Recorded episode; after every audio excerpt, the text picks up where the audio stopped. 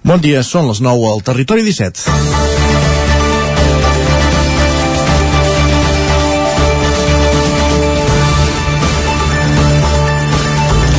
Secretari d'Estat al 1982, diputat al Congrés pel PSOE entre el 1986 i el 2008, ministre el 1991 i el 2018 i president del Parlament Europeu el 2004.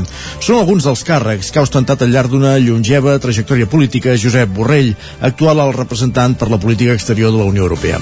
Al llarg d'aquesta trajectòria estat protagonista de titulars sonats en les darreres dècades contra el discurs independentisme amb el que, subjectivament, no ho negarem, podem concloure que hi té una veritable obsessió. Tot i haver estat president del Parlament Europeu, no sé si Europa el coneixen massa, però en tres setmanes de guerra s'està esforçant a augmentar la seva popularitat. Ahir va deixar anar que els europeus baixin la calefacció per reduir el consum del gas. Espanya no, va dir al vespre en una televisió espanyola, com si pel fet de no comprar gas rus no es noti l'increment de preu. És el sacrifici que demana en un context de guerra, tenint en compte que el vell continent depèn en bona part del gas rus i a causa del conflicte s'han disparat preus de gas i hidrocarburs i en conseqüència l'electricitat, però també altres matèries primeres i cereals com el girassol, el blat o el blat de moro, com explicarem d'aquí uns minuts. Les víctimes de la guerra, els desplaçats i refugiats per a qui s'han despertat onades de solidaritat no es mereixen ocurrències d'aquest nivell.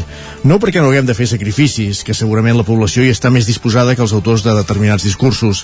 Més que res, perquè si s'ha arribat al punt on estem, i a la dependència de, de, de determinats països pel que fa a l'energia, l'alta política que representa el senyor Borrell, alguna cosa hi deu tenir a veure. Dijous 10 de març de 2022 comença el Territori 17 a la sintonia d'Ona Codinenca, Ràdio Cardedeu, la veu de Sant Joan, Ràdio Vic, el 9 FM i el 9 TV. Territori 17, amb Isaac Moreno i Jordi Sunyer.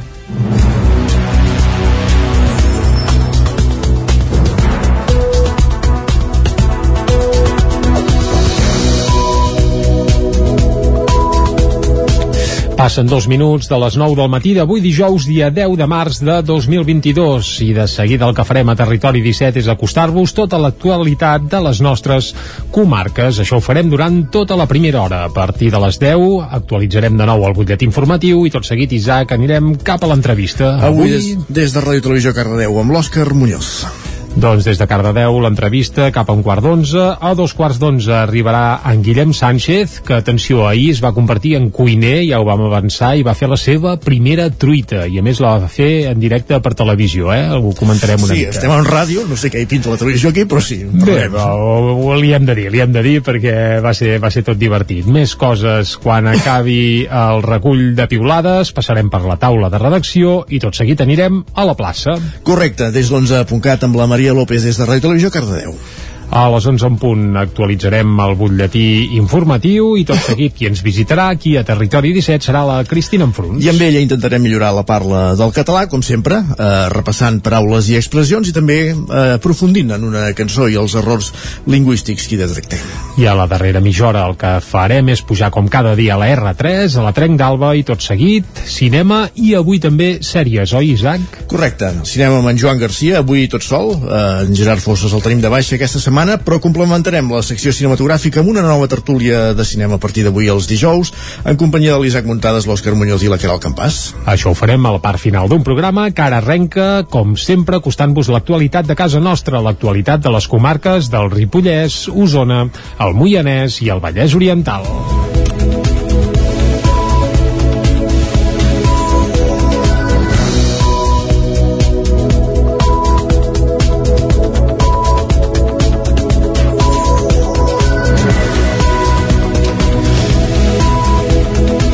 La guerra Ucraïna té conseqüències d'àmbit global i en molts sectors diversos. A l'últim mes, el preu de matèries primeres com els cereals ha crescut fins a nivells que no s'havien vist mai, ja que països com Ucraïna i Rússia són grans exportadors de blat de moro, girassol o blat.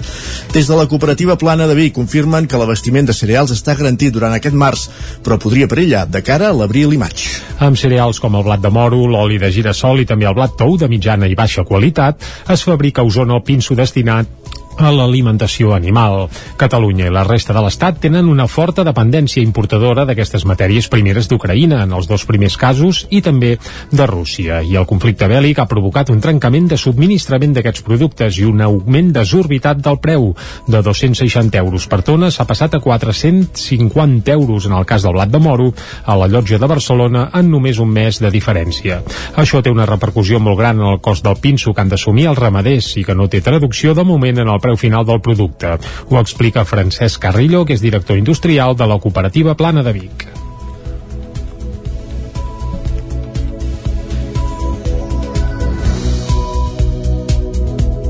són les matèries primes que estan fallant, que són les matèries primes nobles, no? les que realment senten la base de molta alimentació de molts animals.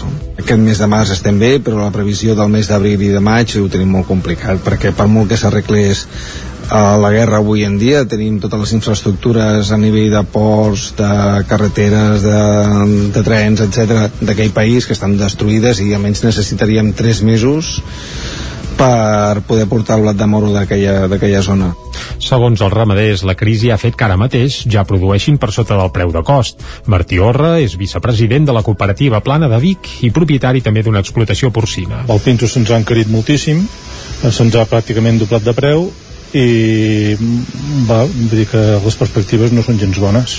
Ara, ara devem estar entre sobre, uh, sota cost doncs uns 30 cèntims per quilo de carn, més part, o menys. Part de la solució per poder importar aquestes matèries primeres que, man, que manquen seria que la Unió Europea acceptés altres orígens dels cereals, com d'Argentina o Estats Units, que actualment no estan permesos. Des de la cooperativa Plana de Vic avisen que la situació en què es troben no es pot comparar amb d'altres viscudes al sector. Francesc Carrillo. És una situació bastant complexa deguda a la situació geopolítica que, que ens trobem avui en dia mai ens hem trobat amb una guerra no? I, i, i a sobre dintre d'un país mm, molt important productor no? i més eh, i en un altre país com el rus on tenim unes fonts energètiques com és el gas i també és productor de blat i blat de, és, és productor de blat Organitzacions com Unió de Pagesos i Joves Agricultors i Ramaders de Catalunya, la JARC, ja han fet arribar el neguit per la situació que viu el sector primari al Departament d'Acció Climàtica en una reunió mantinguda precisament ahir dimecres. Demanen mesures per pal·liar els efectes de la guerra i la crisi energètica, excepcions fiscals o la pròrroga del retorn dels préstecs de la Covid, a més d'establiment d'ajuts directes per a les explotacions més afectades. Si ni el Ministeri ni la, eh, en cas, això sí que ni el Ministeri ni la Comissió Europea reaccionin ràpidament. Davant d'aquest important augment de preus, en Comú Podem demanar a la Generalitat que doni suport, entre d'altres, al sector ramader. El seu portaveu parlamentari, David Cid, ho deia ahir des de Vic, després de visitar la universitat. L'escoltem. Jo crec que s'han d'obrir nous mercats, s'ha d'intentar, per exemple, acompanyar aquests sectors, especialment les petites i mitjanes empreses, a que puguin no, importar uh, aquest, eh, aquests cereals o aquest blat, per exemple, d'Argentina. No? Per tant, hi ha d'haver-hi aquest paper de la Generalitat, no pot ser una simple espectadora, ni pel que fa a l'acollida dels refugiats i refugiades ni tampoc pels impactes que, que té no? o, que, o que pot tenir la, la situació de guerra en l'economia catalana. Sí, també va parlar de política municipal. A Osona, de cara a les eleccions municipals de l'any que ve, els comuns es fixen l'objectiu de tornar a entrar a l'Ajuntament de Vic, on van perdre la representació que hi havia tingut iniciativa i després Vic per tots a les eleccions del 2019. Escoltem a David Cid ens van faltar molt pocs vots per tenir representació i jo estic segur que, que com a, com en Podem doncs, eh, recuperarem la, aquesta, no, aquesta representació a les properes eleccions municipals. Crec que més és, és necessari. Tenim prioritats eh, molt clares del que té a veure per exemple amb no, la defensa de la sanitat pública també la situació de, de l'hospital de, de l'hospital de Vic CIT també va parlar de quin ha de ser el finançament de la Universitat de Vic i es va mostrar partidari de mantenir el model actual però fent que les matrícules tinguin el mateix cost que les universitats 100% públiques. CIT s'ha esmentat l'Hospital de Vic, ara anem a un altre hospital perquè cauen els ingressos per Covid a l'Hospital de Sant Celoni i s'actualitza la normativa de visites per familiars i acompanyants. Les dades acumulades al centre Sant Celoní són de 474 altes, 101 trasllats i 92 defuncions. Núria Lázaro, des de Ràdio Televisió, Cardedeu. L'Hospital de Sant Celoni flexibilitza l'accés de persones a les instal·lacions del centre gràcies a la reducció de la incidència de la pandèmia. El centre tenia ahir dimecres 8 persones ingressades, 5 menys que la setmana anterior. És la xifra més baixa des de finals de desembre passat. A les plantes d'hospitalització a les habitacions no Covid es permetrà la visita d'un familiar o acompanyant per torn de visita. No cal que sigui sempre la mateixa persona. A les habitacions Covid, en canvi, es permetrà la visita d'un acompanyant o familiar, però sempre de la mateixa persona.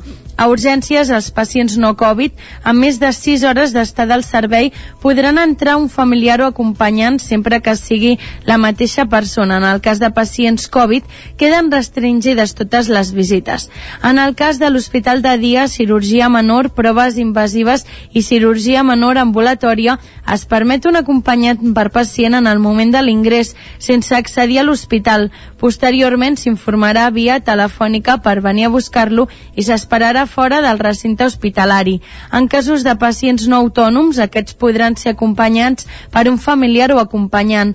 Els responsables del departament indicaran on ha d'esperar mentre dura el procediment. S'autoritzarà l'entrada d'un acompanyant o familiar en casos de menors o pacients no autònoms. L'Ajuntament de Vic ha aprovat l'últim pas perquè el Parc Maria Àngels Anglada sigui finalment una realitat. El punt va tirar endavant el darrer ple amb els vots en contra de tots els partits de l'oposició que retreuen a l'equip de govern la manca de coherència pel que fa a la presència de cotxes al nucli antic. Amb els vots en contra de l'oposició en bloc, el govern d'ANR va aprovar dilluns la concessió d'obra pública de l'aparcament soterrat al Parc Maria Àngels Anglada de Vic.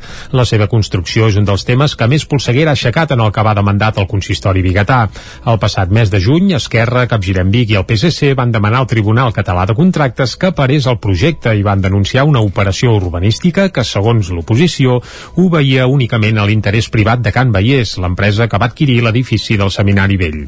El Tribunal va acabar desestimant el recurs i va donar aire a l'equip de govern que el plenari d'aquest dilluns i minuts abans d'aprovar la concessió que inclou la redacció, construcció, gestió i explotació del projecte es vantava de tots els avantatges que suposarà el nou aparcament pels veïns del nucli antic. Escoltem a Fabiana Palmero, que és la regidora d'Urbanisme de l'Ajuntament de Vic. I penso que hem aconseguit una cosa, una fita important, que és tenir un servei en el centre de la ciutat, en el centre històric, d'una vida, i sí que des dels veïns demanen tenir activitat i poder disposar també d'aparcament.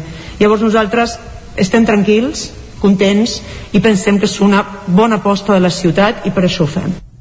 Des d'Esquerra Republicana, Maria Balasc va retreure al govern d'ANR manca de coherència pel que fa a la presència de cotxes al nucli antic. Els republicans asseguren que les places del nou aparcament les podria assolir al pàrquing de l'Hospital de la Santa Creu. Maria Balasc. Tot un plegat volen que els cotxes marxin del centre, com tot un plegat, els fiquen a dins del centre. Llavors, ens, ens ha d'entendre l'oposició que ens despeixtem. No sabem ben bé cap on volen els cotxes. Vagin a donar un vol al pàrquing del Santa Creu, que és, que és allà. Quan hi deu haver? Quants metres hi deuen haver? És allà mateix. Està buit. També contraris al projecte, des de Capgirem Vic, Carla Dinarès parlava d'un procediment innecessari que està al límit de la il·legalitat. Aquest procés, doncs, malgrat estar als límits del que permet la legalitat, eh, és una estafa amb totes les lletres, o sigui, des del principi perquè es va justificar una necessitat falsa d'un aparcament un aparcament que acabarà construint la mateixa empresa que el necessita per si algú en dubtava. I vostès governen aquesta ciutat i són responsables per vetllar per les bones praxis i per acabar amb les pressions que pugui tenir un govern, que sabem que n'hi han va completar el repertori de vots en contra la regidora del PSC, Carme Tena, que posava en valor la unitat de l'oposició. L'escoltem. Tot i les maneres de pensar i de fer diferents a cada grup, hem estat capaços d'unir esforços per defensar l'interès general davant de l'interès particular que defensa el govern de la ciutat. Esquerra, Capgirem i el PSC també van votar en contra de la incorporació de 5,3 milions, milions d'euros del romanent al pressupost. D'aquests, més de 3 milions es destinaran a projectes de ciutat com ara l'expropiació de la plaça de la Noguera o l'ampliació d'asfaltats, unes prioritats que l'oposició bigatana no comparteix. Més qüestions encara relacionat amb el ple de Vic. El de la construcció del nou aparcament va ser el punt més polèmic d'un ple que va arrencar amb l'exposició per part del síndic de Greuges Municipals, Joan Sala, de la memòria del 2021. Va ser un any molt condicionat encara pels efectes de la pandèmia, en què Joan Sala va atendre 92 casos. D'aquests, 74 van ser de queixes i 18 assessoraments. En va, admetre, en va admetre 51 de queixes, 29 de les quals van ser acceptades i 14 derivades on pertocava. Escoltem a Joan Sala. Voldria recordar que el que es queixa no sóc jo, sinó que faig d'altaveu de les 92 persones que em van venir a veure el 2021 i totes elles, lògicament, es queixaven d'alguna cosa. La meva feina és atendre-les, escoltar-les, entendre-les i, si ho veig convenient, tramitar la seva queixa per negociar una altra resposta a la que ja se'ls ha donat. El plenari, a banda de rendir comptes amb els representants polítics, Sala també va celebrar que s'hagin recuperat les visites presencials i va recordar que la darrere, darrere, volem dir, ja ho direm bé, va recordar que darrere de cada tensió hi ha sempre una persona. Deixem enrere el ple de Vic, anem cap al Moianès, perquè aquesta comarca ha començat un estudi per conèixer la situació de l'abastament i el sanejament de l'aigua, que era el campàs, des d'Ona Codinenca. Aquest estiu passat el Moianès ja va patir escassetat d'aigua. De fet, pobles com Granera van haver de demanar aigua dels pobles veïns. El canvi climàtic redueix les precipitacions i l'escalfament global del planeta fa que l'evaporació de l'aigua augmenti. Son Soles Letang, consellera comarcal de l'àrea de territori, explicava que l'estudi ha detectat les mancances de la comarca en abastament d'aigua. Amb el suport de la Diputació de Barcelona hem iniciat el que es diu la diagnosi estratègica per conèixer eh, l'estat de la situació en abastament i sanejament. Llavors, d'aquesta diagnosi de moment se'n desprèn que tenim municipis amb situacions molt complicades, eh, inclús greus en abastament d'aigua, que requereixen eh, noves inversions en pous o en captació d'aigües superficials. L'informe està elaborat amb el suport de la Diputació de Barcelona i les primeres dades apunten que una possible solució seria connectar els pobles amb les xarxes d'aigua de les comarques veïnes. Des del Consell Comarcal del Moianès demanaran incloure aquesta inversió a l'Agència Catalana de l'Aigua. Sí, probablement segons resultat de, de, de l'estudi seria la, la, la solució més, més idònia. Llavors, eh, és per això que tenim tenim la intenció de presentar al·legacions a l'anunci de l'Agència Catalana de l'Aigua eh, de la programació d'infraestructures d'abastament d'aigua potable que, que ha publicat ara fa res fins al 2027 perquè consideri la connexió dels municipis del Moianès, ja que no, no surten, eh, a les xarxes d'abastament d'aigua de les comarques colindants. A falta de conèixer les conclusions de l'estudi, també s'ha detectat que les zones on les últimes dècades s'ha patit una desforestació per incendis forestals pateixen més sequera. Aquest fet planteja la necessitat d'una gestió continuada dels boscos en una comarca on el 80% del territori és zona boscosa. Els propietaris de l'edifici de Can Roig a Camprodon invertiran 1,2 milions d'euros per rehabilitar-ne els exteriors. Isaac Muntades, des de la veu de Sant Joan. La propietat de l'emblemàtic edifici modernista de Can Roig a Camprodon invertirà 1,2 milions d'euros per rehabilitar-ne els exteriors i millorar-ne l'estat, que era ruïnós des que va abandonar-se la dècada dels anys 70. Can Roig, dissenyat per l'arquitecte Simó Cordumí, es va construir l'any 1900 al carrer Freixenet, a la sortida del poble en direcció a Molló, i just abans de travessar el riu Ritort, com un habitatge residencial pel doctor Emerencià Roig. L'edifici té quatre plantes amb una superfície construïda de 780 metres quadrats i està en una finca de 1.150 metres quadrats d'extensió. Durant la Guerra Civil Espanyola es va convertir en un hospital de campanya i després es va abandonar. L'any 2012, després de diversos intents fallits de restauració, l'Ajuntament va requerir-li al propietari que fes uns treballs de consolidació per evitar-ne la ruïna total, però tot va quedar paralitzat fa uns 6 o 7 anys. L'edifici que es troba en l'inventari de patrimoni arquitectònic de Catalunya és un bé cultural d'interès local i està catalogat com un equipament. Per tant, no s'hi poden fer pisos. De fet, l'antic propietari tenia el projecte de fer un geriàtric privat. Amb el propietari actual, l'entesa amb l'Ajuntament ha estat més fluida i ara han signat un conveni que l'obliga a fer aquestes obres de consolidació. La fase 1 d'aquest projecte només és la restauració de façanes, teulada, tancaments, jardí i valla perimetral. No hi ha un nou projecte anterior, no hi ha res d'interiors, eh? i mantenen el mateix projecte que tenien. L'únic requeriment que li ha fet l'Ajuntament, en aquest cas els serveis tècnics de la casa, és un tema d'accessibilitat que en els seus anys no era obligatori, per tant no hi havia accessibilitat a l'edifici i aquesta vegada se'ls ha requerit que facin una esmena per veure com faran el tema d'accessibilitat dins l'edifici. És l'única diferència que hi haurà del projecte anterior amb el d'ara. I quan veieu el projecte és simplement una esmena sobre el mateix projecte. La nova propietat no té la intenció de fer-hi un geriàtric, però l'Ajuntament i alguns privats hi estan parlant per explorar ocupar-lo. La idea del consistori seria signar algun tipus de conveni de sessió i ubicar-hi unes oficines centrals, una oficina turística o una ampliació del CAP. En el ple de dilluns passat es va votar bonificar-ne l'ICIO, l'impost de llicència d'obres, perquè és un edifici d'interès públic. L'equip de govern del PSC va votar-hi a favor i més Camprodon Esquerra Republicana es va abstenir.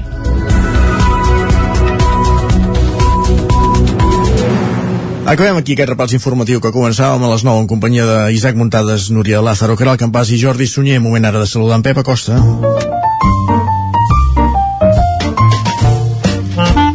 Casa Terradellos us ofereix el temps. Doncs vinga, Pep, molt bon dia. Hola, molt bon dia. I molt bona hora. Que ràpid que passen les setmanes. Ja tens gairebé no ens veiem compte. Mm -hmm. Ja som gairebé al cap de setmana. Quasi. Uh, ja veieu eh, com va de pressa tot. Uh, massa, massa de pressa. Aviam si hi ha una mica de pausa amb tot, perquè va tot com deia, com, Com un tro. massa pressa. Mhm. Passa volant, passa volant el temps, hem de serrar una mica, calmar una mica i que tot vagi una mica més a poc a poc. El que no a poc a poc tampoc és el temps i és que estem ara amb aquesta dinàmica de cels coberts, de força humitat i de poca pluja. I és que no, no acaba de ploure, eh? No, no hi ha precipitacions uh, i això mm, no m'agrada, no m'agrada, però bueno, m'agrada perquè no fa allò un sol increïble i les temperatures altes, però tampoc m'agrada perquè no acaba de ploure.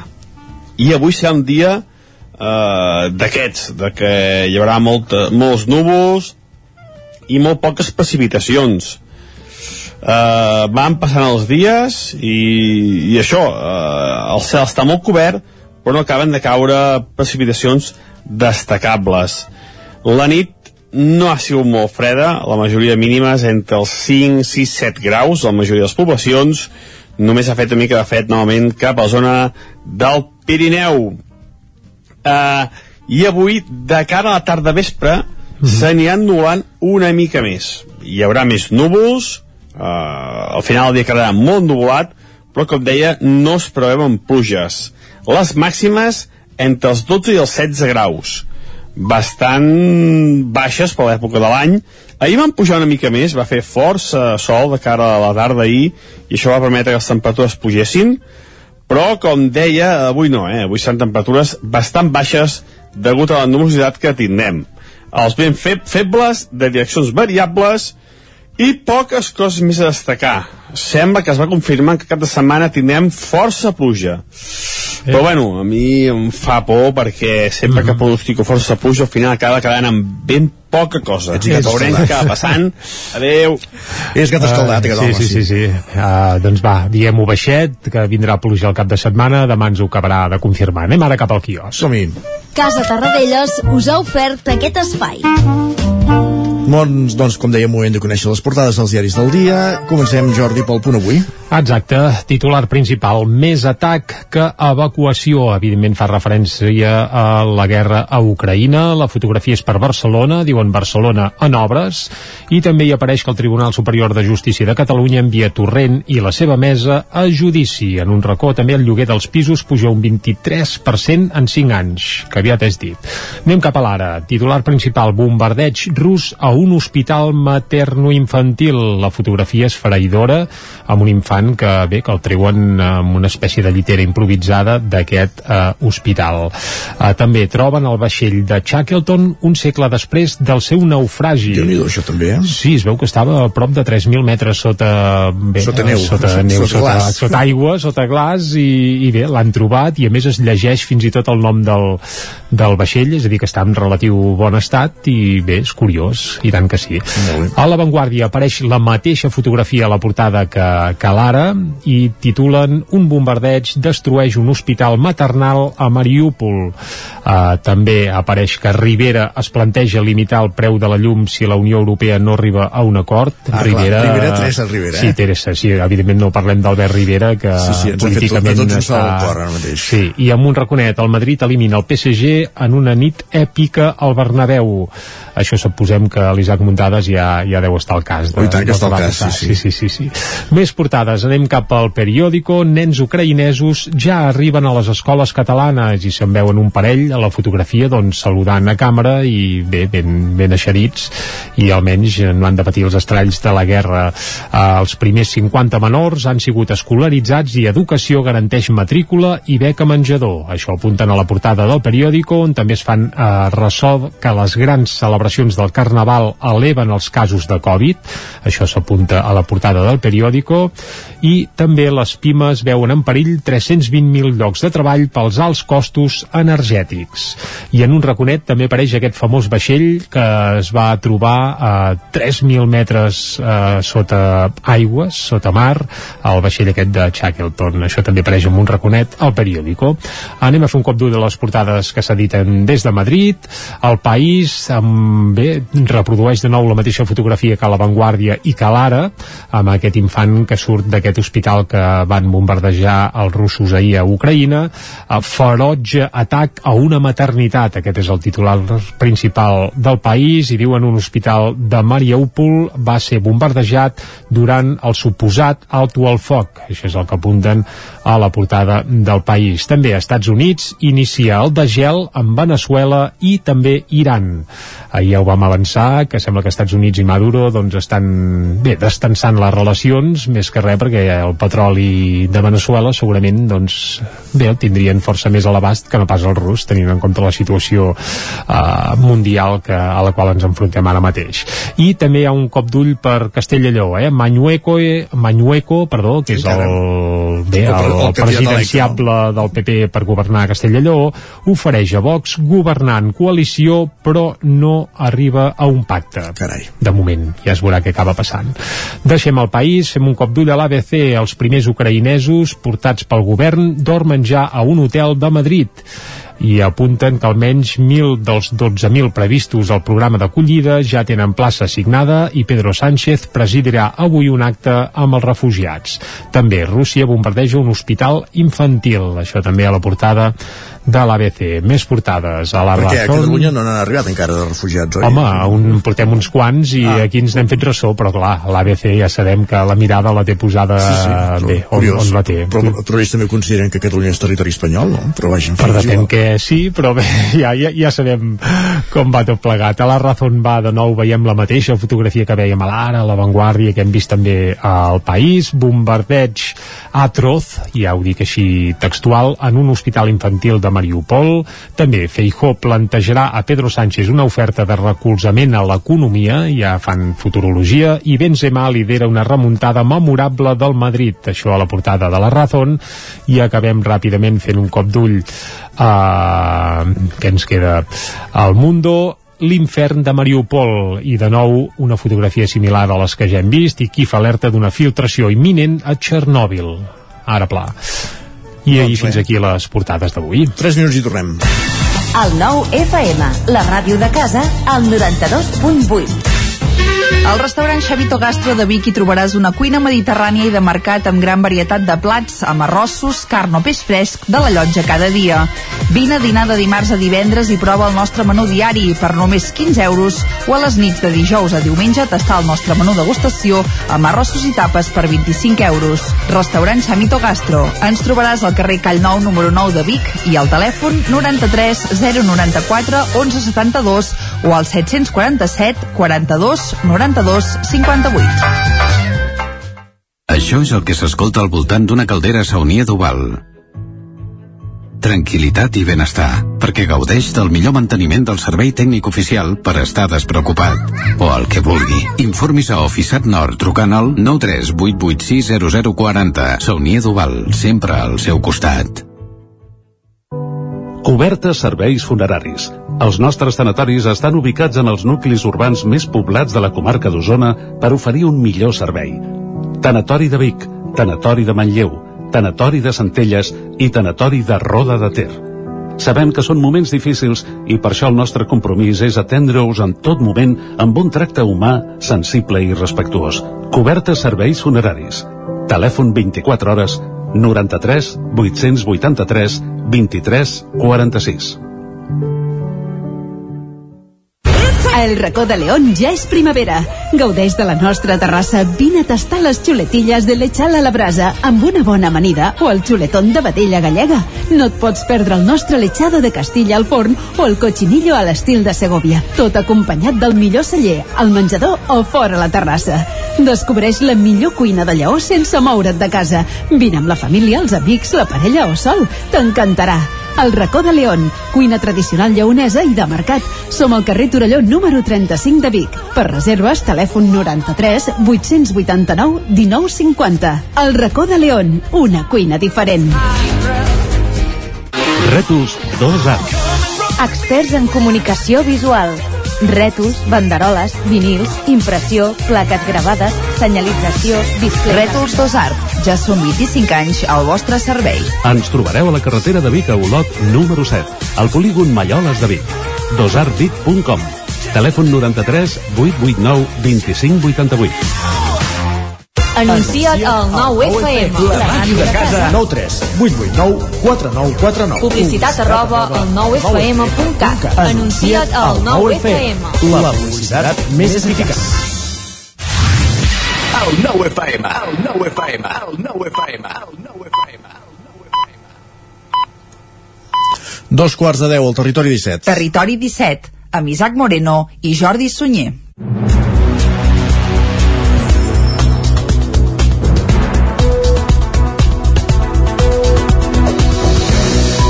Doncs dos quarts de deu en punt d'avui dijous, dia 10 de març de 2022. Seguim en directe aquí a Territori 17 i de seguida el que farem és acostar-vos de nou tota l'actualitat de les nostres comarques.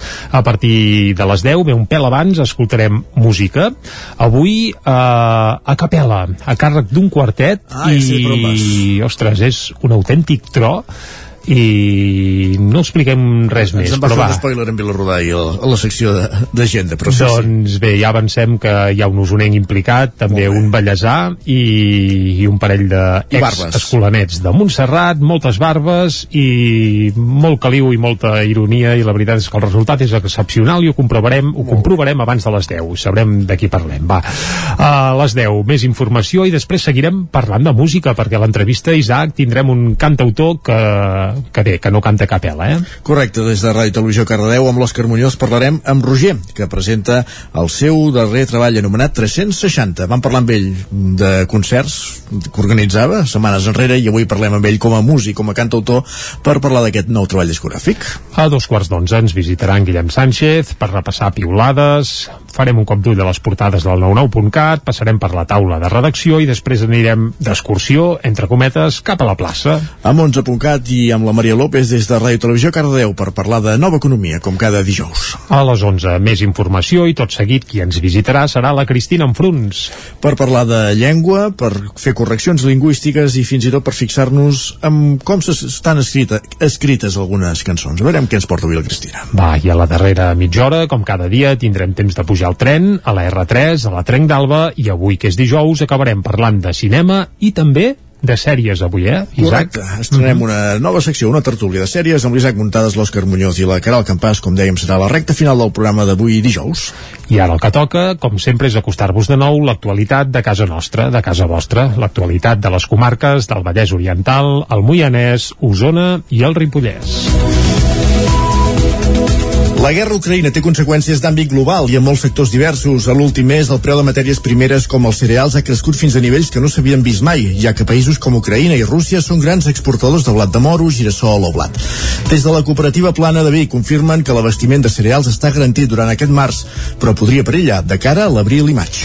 Amb cereals com el blat de moro, l'oli de girassol i també el blat tou de mitjana i baixa qualitat, es fabrica a Osona el pinso destinat a l'alimentació animal. Catalunya i la resta de l'Estat tenen una forta dependència importadora d'aquestes matèries primeres d'Ucraïna, en els dos primers casos, i també de Rússia. I el conflicte bèl·lic ha provocat un trencament de subministrament d'aquests productes i un augment desorbitat del preu. De 260 euros per tona s'ha passat a 450 euros en el cas del blat de moro a la llotja de Barcelona en només un mes de diferència. Això té una repercussió molt gran en el cost del pinso que han d'assumir els ramaders i que no té traducció de moment en el preu final del producte. Ho explica Francesc Carrillo, que és director industrial de la cooperativa Plana de Vic.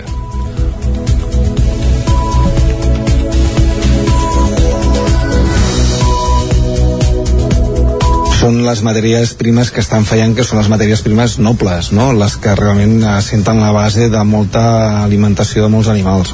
Aquest mes de març estem bé, però la previsió del mes d'abril i de maig ho tenim molt complicat, perquè per molt que s'arreglés uh, la guerra avui en dia, tenim totes les infraestructures a nivell de ports, de carreteres, de, de trens, etc d'aquell país que estan destruïdes i almenys necessitaríem tres mesos per poder portar el blat de moro d'aquella zona. Segons els ramaders, la crisi ha fet que ara mateix ja produeixin per sota del preu de cost. Martí Orra és vicepresident de la cooperativa Plana de Vic i propietari també d'una explotació porcina. El pinso se'ns ha encarit moltíssim, se'ns ha pràcticament doblat de preu i va, vull dir que les perspectives no són gens bones. Ara, ara devem estar entre sobre, uh, sota cost doncs uns 30 cèntims per quilo de carn, més part, o menys. Part de la solució per poder importar aquestes matèries primeres que, man, que manquen seria que la Unió Europea acceptés altres orígens dels cereals, com d'Argentina o Estats Units, que actualment no estan permesos. Des de la cooperativa Plana de Vic avisen que la situació en què es troben no es pot comparar amb d'altres viscudes al sector. Francesc Carrillo. És una situació bastant complexa deguda a la situació geopolítica que, que ens trobem avui en dia dia mai ens hem trobat amb una guerra no? I, i, i a sobre dintre d'un país mm, molt important productor no? i més eh, i en un altre país com el rus on tenim unes fonts energètiques com és el gas i també és productor de blat i blat de, és, és productor de blat Organitzacions com Unió de Pagesos i Joves Agricultors i Ramaders de Catalunya, la JARC, ja han fet arribar al neguit per la situació que viu el sector primari al Departament d'Acció Climàtica en una reunió mantinguda precisament ahir dimecres. Demanen mesures per pal·liar els efectes de la guerra i la crisi energètica, excepcions fiscals o la pròrroga del retorn dels préstecs de la Covid, a més d'establiment d'ajuts directes per a les explotacions més afectades. Si ni el Ministeri ni la, en cas, això sí que ni el Ministeri ni la Comissió Europea reaccionin ràpidament. Davant d'aquest important augment de preus, en Comú Podem demana a la Generalitat que doni suport, entre d'altres, al sector ramader. El seu portaveu parlamentari, David Cid, ho deia ahir des de Vic, després de visitar la universitat. L'escoltem. Jo crec que s'han d'obrir nous mercats, s'ha d'intentar, per exemple, acompanyar aquests sectors, especialment les petites i mitjanes empreses, a que puguin no, importar uh, aquest, eh, aquests cereals o aquest blat, per exemple, d'Argentina. No? Per tant, hi ha d'haver-hi aquest paper de la Generalitat, no pot ser una simple espectadora, ni pel que fa a l'acollida dels refugiats i refugiades ni tampoc pels impactes que, que té no? o, que, o que pot tenir la, la situació de guerra en l'economia catalana. Sí, també va parlar de política municipal. A Osona, de cara a les eleccions municipals de l'any que ve, els comuns es fixen l'objectiu de tornar a entrar a l'Ajuntament de Vic, on van perdre la representació que hi havia tingut iniciativa i després Vic per tots a les eleccions del 2019. Escoltem a David Cid ens van faltar molt pocs vots per tenir representació i jo estic segur que, que com, a, com en Podem doncs, eh, recuperarem la, aquesta, no, aquesta representació a les properes eleccions municipals. Crec que més és, és necessari. Tenim prioritats eh, molt clares del que té a veure per exemple amb no, la defensa de la sanitat pública també la situació de, de l'hospital de, de l'hospital de Vic. CIP també va parlar de quin ha de ser el finançament de la Universitat de Vic i es va mostrar partidari de mantenir el model actual però fent que les matrícules tinguin el mateix cost que les universitats 100% públiques. Sí, s'ha esmentat l'Hospital de Vic, ara anem a un altre hospital, perquè cauen els ingressos per Covid a l'Hospital de Sant Celoni i s'actualitza la normativa de visites per familiars i acompanyants. Les dades acumulades al centre de Sant Celoní són de 474 altes, 101 trasllats i 92 defuncions. Núria Lázaro, des de Ràdio Televisió, Cardedeu. L'Hospital de Sant Celoni flexibilitza l'accés de persones a les instal·lacions del centre gràcies a la reducció de la incidència de la pandèmia. El centre tenia ahir dimecres 8 persones ingressades, 5 menys que la setmana anterior. És la xifra més baixa des de finals de desembre passat. A les plantes d'hospitalització a les habitacions no Covid es permetrà la visita d'un familiar o acompanyant per torn de visita. No cal que sigui sempre la mateixa persona. A les habitacions Covid Covid, en canvi, es permetrà la visita d'un acompanyant o familiar, però sempre de la mateixa persona. A urgències, els pacients no Covid, amb més de 6 hores d'estada al servei, podran entrar un familiar o acompanyant sempre que sigui la mateixa persona. En el cas de pacients Covid, queden restringides totes les visites. En el cas de l'Hospital de Dia, cirurgia menor, proves invasives i cirurgia menor ambulatòria, es permet un acompanyat per pacient en el moment de l'ingrés, sense accedir accedir a l'hospital. Posteriorment s'informarà via telefònica per venir a buscar-lo i s'esperarà fora del recinte hospitalari. En casos de pacients no autònoms, aquests podran ser acompanyats per un familiar o acompanyant. Els responsables del departament indicaran on ha d'esperar mentre dura el procediment. S'autoritzarà l'entrada d'un acompanyant o familiar en casos de menors o pacients no autònoms. L'Ajuntament de Vic ha aprovat l'últim pas perquè el Parc Maria Àngels Anglada sigui finalment una realitat. El punt va tirar endavant el darrer ple amb els vots en contra de tots els partits de l'oposició que retreuen a l'equip de govern la manca de coherència pel que fa a la presència de cotxes al nucli antic. Amb els vots en contra de l'oposició en bloc, el govern d'ANR va aprovar dilluns la concessió d'obra pública de l'aparcament soterrat al Parc Maria Àngels Anglada de Vic. La seva construcció és un dels temes que més polseguera ha aixecat en el que va de mandat el consistori biguetà. El passat mes de juny, Esquerra, Capgirem Vic i el PSC van demanar al Tribunal Català de Contractes que parés el projecte i van denunciar una operació urbanística que, segons l'oposició, obeïa únicament a l'interès privat de Can Vallès, l'empresa que va adquirir l'edifici del Seminari Vell. El tribunal va acabar desestimant el recurs i va donar aire a l'equip de govern que el plenari d'aquest dilluns i minuts abans d'aprovar la concessió que inclou la redacció, construcció, gestió i explotació del projecte es vantava de tots els avantatges que suposarà el nou aparcament pels veïns del nucli antic. Escoltem a Fabiana Palmero, que és la regidora d'Urbanisme de l'Ajuntament de Vic. I penso que hem aconseguit una cosa, una fita important, que és tenir un servei en el centre de la ciutat, en el centre històric, d'una vida, i sí que des dels veïns demanen tenir activitat i poder disposar també d'aparcament. Llavors nosaltres estem tranquils, contents i pensem que és una bona aposta de la ciutat i per això ho fem. Des d'Esquerra Republicana, Maria Balasc va retreure al govern d'ANR manca de coherència pel que fa a la presència de cotxes al nucli antic. Els republicans asseguren que les places del nou aparcament les podria assolir al pàrquing de l'Hospital de la Santa Creu. Maria Balasc. Tot un plegat volen que els cotxes marxin del centre com tot un plegat els fiquen a dins del centre llavors ens, ens ha d'entendre l'oposició que ens despistem no sabem ben bé cap on volen els cotxes. Vagin a donar un vol al pàrquing del Santa Creu que és, que és allà, quan hi deu haver. Quants metres hi deuen haver? És allà mateix, està buit. També contraris al projecte, des de Capgirem Vic, Carla Dinarès parlava d'un procediment innecessari que està al límit de la il·legalitat. Aquest procés, doncs, malgrat estar als límits del que permet la legalitat, eh, és una estafa amb totes les lletres, o sigui, des del principi perquè es va justificar una necessitat falsa d'un aparcament un aparcament que acabarà construint la mateixa empresa que el necessita per si algú en dubtava. I vostès governen aquesta ciutat i són responsables per vetllar per les bones praxis i per acabar amb les pressions que pugui tenir un govern, que sabem que n'hi han va completar el repertori de vots en contra la regidora del PSC, Carme Tena, que posava en valor la unitat de l'oposició. L'escoltem. Tot i les maneres de pensar i de fer diferents a cada grup, hem estat capaços d'unir esforços per defensar l'interès general davant de l'interès particular que defensa el govern de la ciutat. Esquerra, Capgirem i el PSC també van votar en contra de la incorporació de 5,3 milions, milions d'euros del romanent al pressupost. D'aquests, més de 3 milions es destinaran a projectes de ciutat com ara l'expropiació de la plaça de la Noguera o l'ampliació d'asfaltats, unes prioritats que l'oposició bigatana no comparteix. Més qüestions encara relacionats amb el ple de Vic. El de la construcció del nou aparcament va ser el punt més polèmic d'un ple que va arrencar amb l'exposició per part del síndic de Greuges Municipals, Joan Sala, de la memòria del 2021. Va ser un any molt condicionat encara pels efectes de la pandèmia, en què Joan Sala va atendre 92 casos. D'aquests, 74 van ser de queixes i 18 assessoraments. En va, admetre, en va admetre 51 de queixes, 29 de les quals van ser acceptades i 14 derivades on pertocava. Escoltem a Joan Sala. Voldria recordar que el que es queixa no sóc jo, sinó que faig d'altaveu de les 92 persones que em van venir a veure el 2021 i totes elles, lògicament, es queixaven d'alguna cosa. La meva feina és atendre-les, escoltar-les, entendre-les i, si ho veig convenient, tramitar la seva queixa per negociar una altra resposta a la que ja se'ls ha donat. El plenari, a banda de rendir comptes amb els representants polítics, Sala també va celebrar que s'hagin recuperat les visites presencials i va recordar que la darrere, darrere, volem dir, ja ho direm bé, va recordar que darrere de cada tensió hi ha sempre una persona. Deixem enrere el ple de Vic, anem cap al Moianès, perquè aquesta comarca ha començat un estudi per conèixer la situació de l'abastament i el sanejament de l'aigua que era el campàs, des d'ona Codinenca.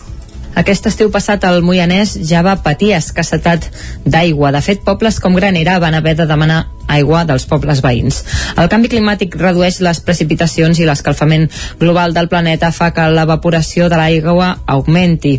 Sonsoles Letan, consellera comarcal de l'àrea de territori, explicava que l'estudi ha detectat les mancances de la comarca en abastament d'aigua. Amb el suport de la Diputació de Barcelona hem iniciat el que es diu la diagnosi estratègica per conèixer eh, l'estat de la situació en abastament i sanejament. Llavors, d'aquesta diagnosi de moment se'n desprèn que tenim municipis amb situacions molt complicades, eh, inclús greus en abastament d'aigua, que requereixen eh, noves inversions en pous o en captació d'aigües superficials. L'informe està elaborat amb el suport de la Diputació de Barcelona i les primeres dades apunten que una possible solució seria connectar els pobles amb les xarxes d'aigua de les comarques veïnes. Des del Consell Comarcal del Moianès demanaran incloure aquesta inversió a l'Agència Catalana de l'Aigua. Sí, probablement segons resultat de, de, de l'estudi seria la, la, la solució més, més idònia Llavors, eh, és per això que tenim, tenim la intenció de presentar al·legacions a l'anunci de l'Agència Catalana de l'Aigua eh, de la programació d'infraestructures d'abastament d'aigua potable que, que ha publicat ara fa res fins al 2027 perquè consideri la connexió als municipis del Moianès, ja que no, no surten eh, a les xarxes d'abastament d'aigua de les comarques colindants. A falta de conèixer les conclusions de l'estudi, també s'ha detectat que les zones on les últimes dècades s'ha patit una desforestació per incendis forestals pateixen més sequera.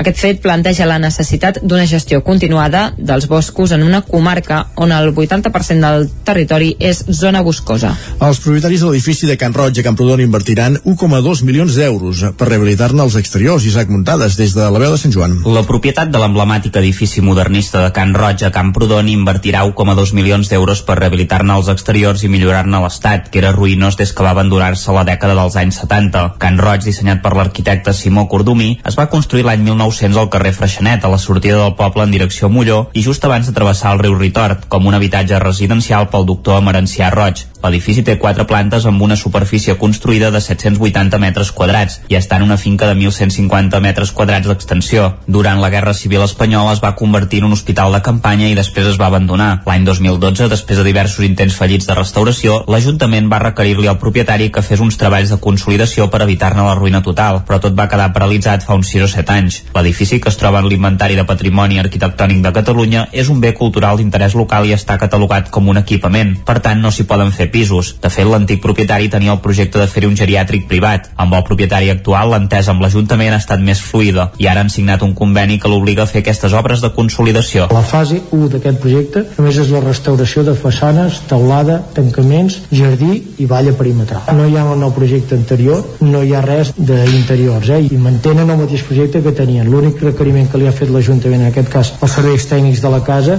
és un tema d'accessibilitat, que en els seus anys no era obligatori, per tant no hi havia accessibilitat a l'edifici i aquesta vegada se'ls ha requerit que facin una esmena per veure com faran el tema d'accessibilitat dins l'edifici. És l'única diferència que hi haurà del projecte anterior amb el d'ara. I com veieu el projecte és simplement una esmena sobre el mateix projecte. La nova propietat no té la intenció de fer-hi un geriàtric, però l'Ajuntament i alguns privats hi estan parlant per explorar ocupar-lo. La idea del consistori seria signar algun tipus de conveni de sessió i ubicar-hi unes oficines centrals, una oficina turística o una ampliació del CAP. En el ple de dilluns passat es va votar bonificar-ne l'ICIO, l'impost de llicència d'obres, perquè és un edifici d'interès públic. L'equip de govern del PSC va votar-hi a favor i més Camprodon Esquerra Republicana es va abstenir.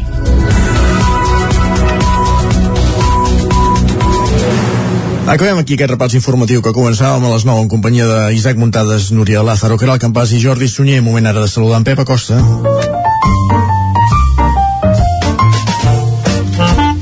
Casa Terradellos us ofereix el temps. Doncs vinga, Pep, molt bon dia. Hola, molt bon dia. I molt bona hora. Que ràpid que passen les setmanes, Ja tens gairebé raó. no ens donem compte. Mm -hmm. Ja som gairebé al cap de setmana. Quasi. Uh, ja veieu eh, com va de pressa tot.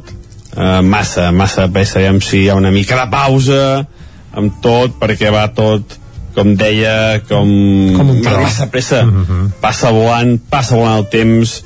Hem de serrar una mica, calmar una mica i que tot vagi una mica més a poc a poc. El que no a poc a poc tampoc és el temps i és que estem ara amb aquesta dinàmica de cels coberts de força humitat i de poca pluja i és que no, no acaba de ploure eh? no, no hi ha precipitacions uh, i això mm, no m'agrada, no m'agrada però bueno, m'agrada perquè no fa allò un sol increïble i les temperatures altes però tampoc m'agrada perquè no acaba de ploure. I avui serà un dia uh, d'aquests de que hi haurà molta, molts núvols i molt poques precipitacions. Uh, van passant els dies i, i això uh, el cel està molt cobert però no acaben de caure precipitacions destacables. La nit no ha sigut molt freda la majoria mínimes entre els 5, 6, 7 graus la majoria de les poblacions. Només ha fet una mica de fred novament cap a la zona del Pirineu.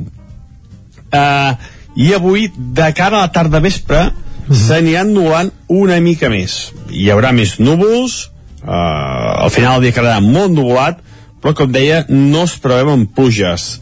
Les màximes entre els 12 i els 16 graus bastant baixes per l'època de l'any ahir van pujar una mica més va fer força sol de cara a la tarda ahir i això va permetre que les temperatures pugessin però com deia, avui no, eh? avui seran temperatures bastant baixes degut a la numerositat que tindrem els vents fe febles de direccions variables i poques coses més a destacar. Sembla que es va confirmar que cap de setmana tindrem força pluja. Eh. Però bueno, a mi em fa por perquè sempre uh -huh. que pronostico força pluja al final acaba quedant amb ben poca cosa. Ets Ja veurem què va passant. Adeu. És gat escaldat, aquest sí, home. sí, sí, sí. Uh, doncs va, diem-ho baixet, que vindrà pluja al cap de setmana, demà ens ho acabarà de confirmar. Anem ara cap al quios. Som-hi. Casa Tarradellas us ha ofert aquest espai. Doncs, doncs, com dèiem, moment de conèixer les portades dels diaris del dia. Comencem, Jordi, pel punt avui. Exacte, titular principal, més atac que evacuació. Evidentment fa referència a la guerra a Ucraïna. La fotografia és per Barcelona, diuen Barcelona en obres, i també hi apareix que el Tribunal Superior de Justícia de Catalunya envia Torrent i la seva mesa a judici. En un racó també el lloguer dels pisos puja un 23% en 5 anys, que aviat és dit. Anem cap a l'ara. Titular principal, bombardeig rus a un hospital materno-infantil. La fotografia és faraïdora, amb un infant que bé, que el treuen amb una espècie de llitera improvisada d'aquest eh, hospital. Eh, també troben el vaixell de Shackleton un segle després del seu naufragi. déu nhi això també, eh? Sí, es veu que estava a prop de 3.000 metres sota, bé, Sota neu. sota, neu, Sota sota, glaç. sota aigua, sota glaç i, i bé, l'han trobat i a més es llegeix fins i tot el nom del, del vaixell, és a dir que està en relatiu bon estat i bé, és curiós, i tant que sí. A l'avantguàrdia apareix la mateixa fotografia a la portada que, que l'ara i titulen Un bombardeig destrueix un hospital maternal a Mariúpol. Uh, també apareix que Rivera es planteja limitar el preu de la llum si la Unió Europea no arriba a un acord. Ah, clar, Rivera, Teresa Rivera, Sí, eh? Teresa, sí, evidentment no parlem d'Albert Rivera, que Sí, sí, tot- políticament fa està... un cor ara mateix. Sí, i amb un raconet, el Madrid elimina el PSG en una nit èpica al Bernabéu. Això suposem que l'Isaac Muntades ja, ja deu estar al cas. Oh, i tant que està al cas, sí, sí, sí, sí, sí.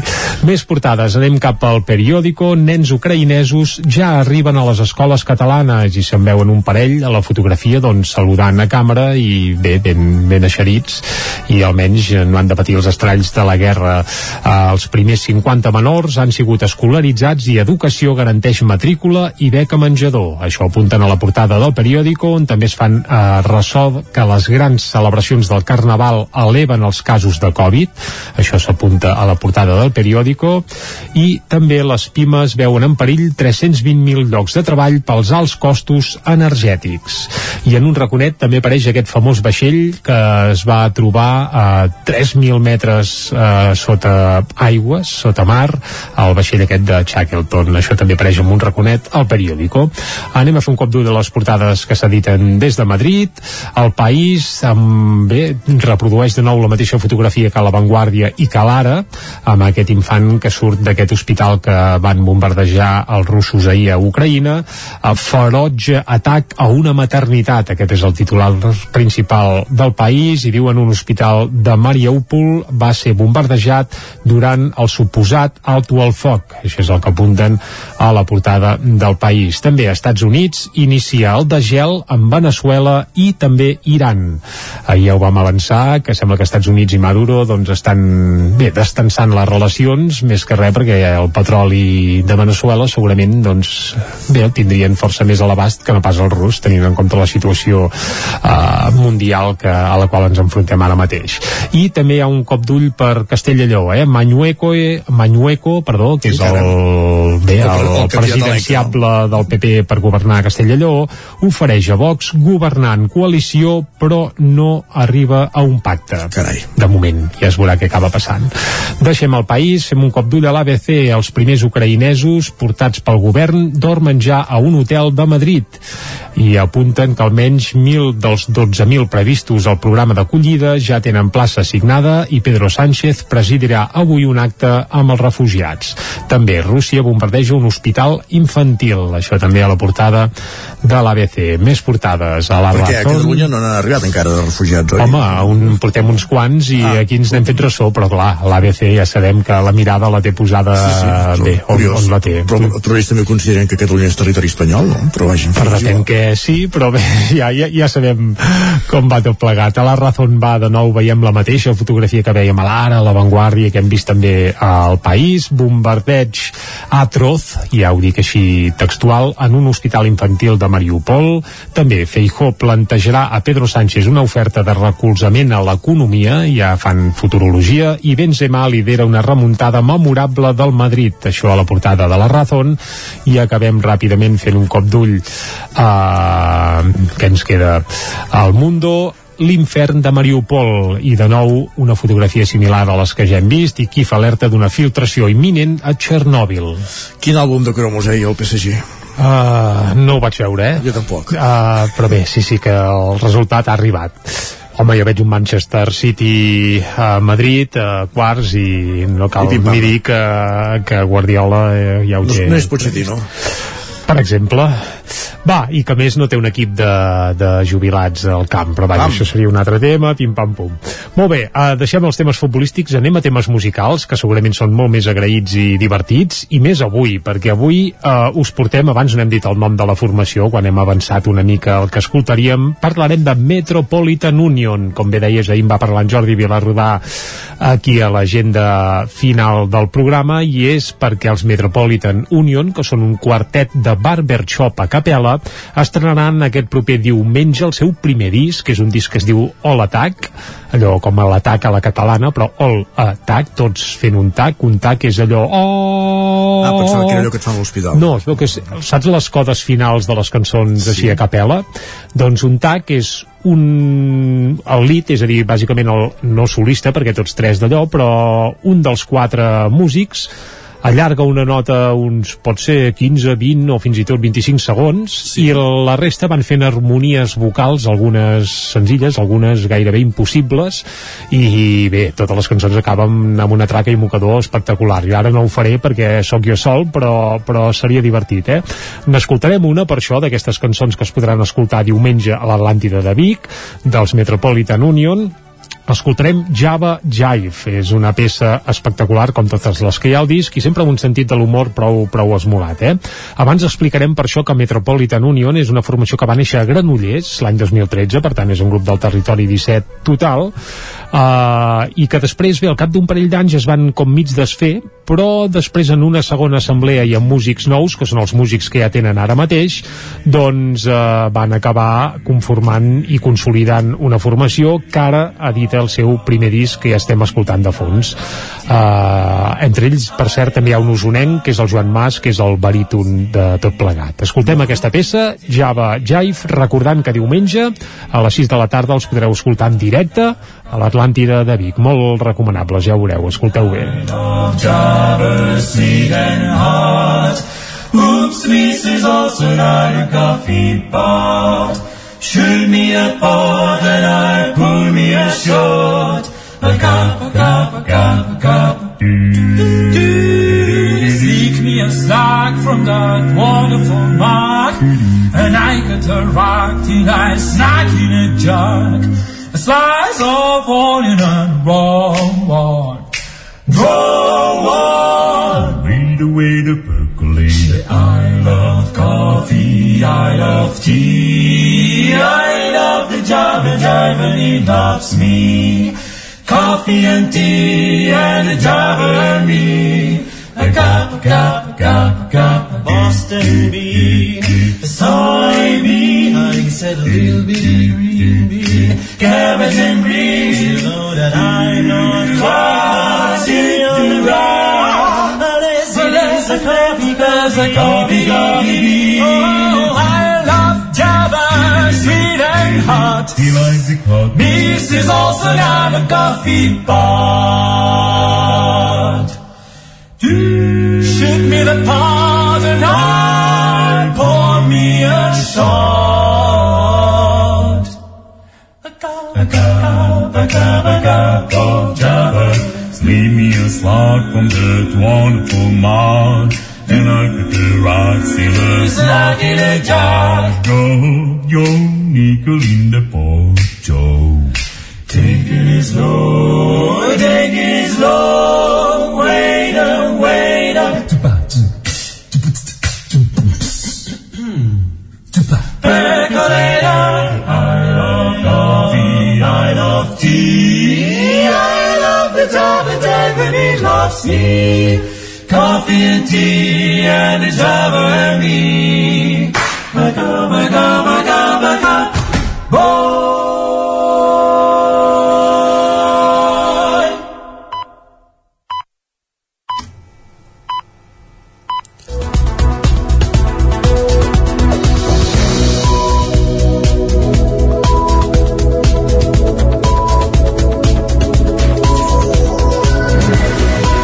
Moment al territori 17 d'actualitzar-nos, de posar-nos al dia amb les notícies més destacades de les nostres comarques, el Ripollès, el Moianès, Osona i el Vallès Oriental, i ho fem en connexió amb les diferents emissores que cada dia fan possible el territori 17, que són Ràdio Cardedeu, la veu de Sant Joan, Ona Codinenca, Ràdio Vic, el 9 FM i el 9 TV. Per explicar-vos aquesta hora que Osona és la segona comarca catalana amb més fires, només per darrere del barcelonès. Aquest any a Catalunya se'n faran 420, 50 més que el 2021. 26 seran a Osona i 12 al Ripollès. Aquest 2022 és l'any de la represa de l'activitat firal presencial. La nova Fira de l'Energia i la Construcció Sostenible, que es va fer fa uns dies a Vic, i el Mobile World Congress, que es va fer a Barcelona, han obert una temporada en què Catalunya acollirà un total de 420 fires, 50 més que el 2021. D'aquestes 26 es faran a Osona i 12 al Ripollès, segons les dades del Registre d'Activitats Firals de Catalunya facilitades pel Departament d'Empresa i Treball.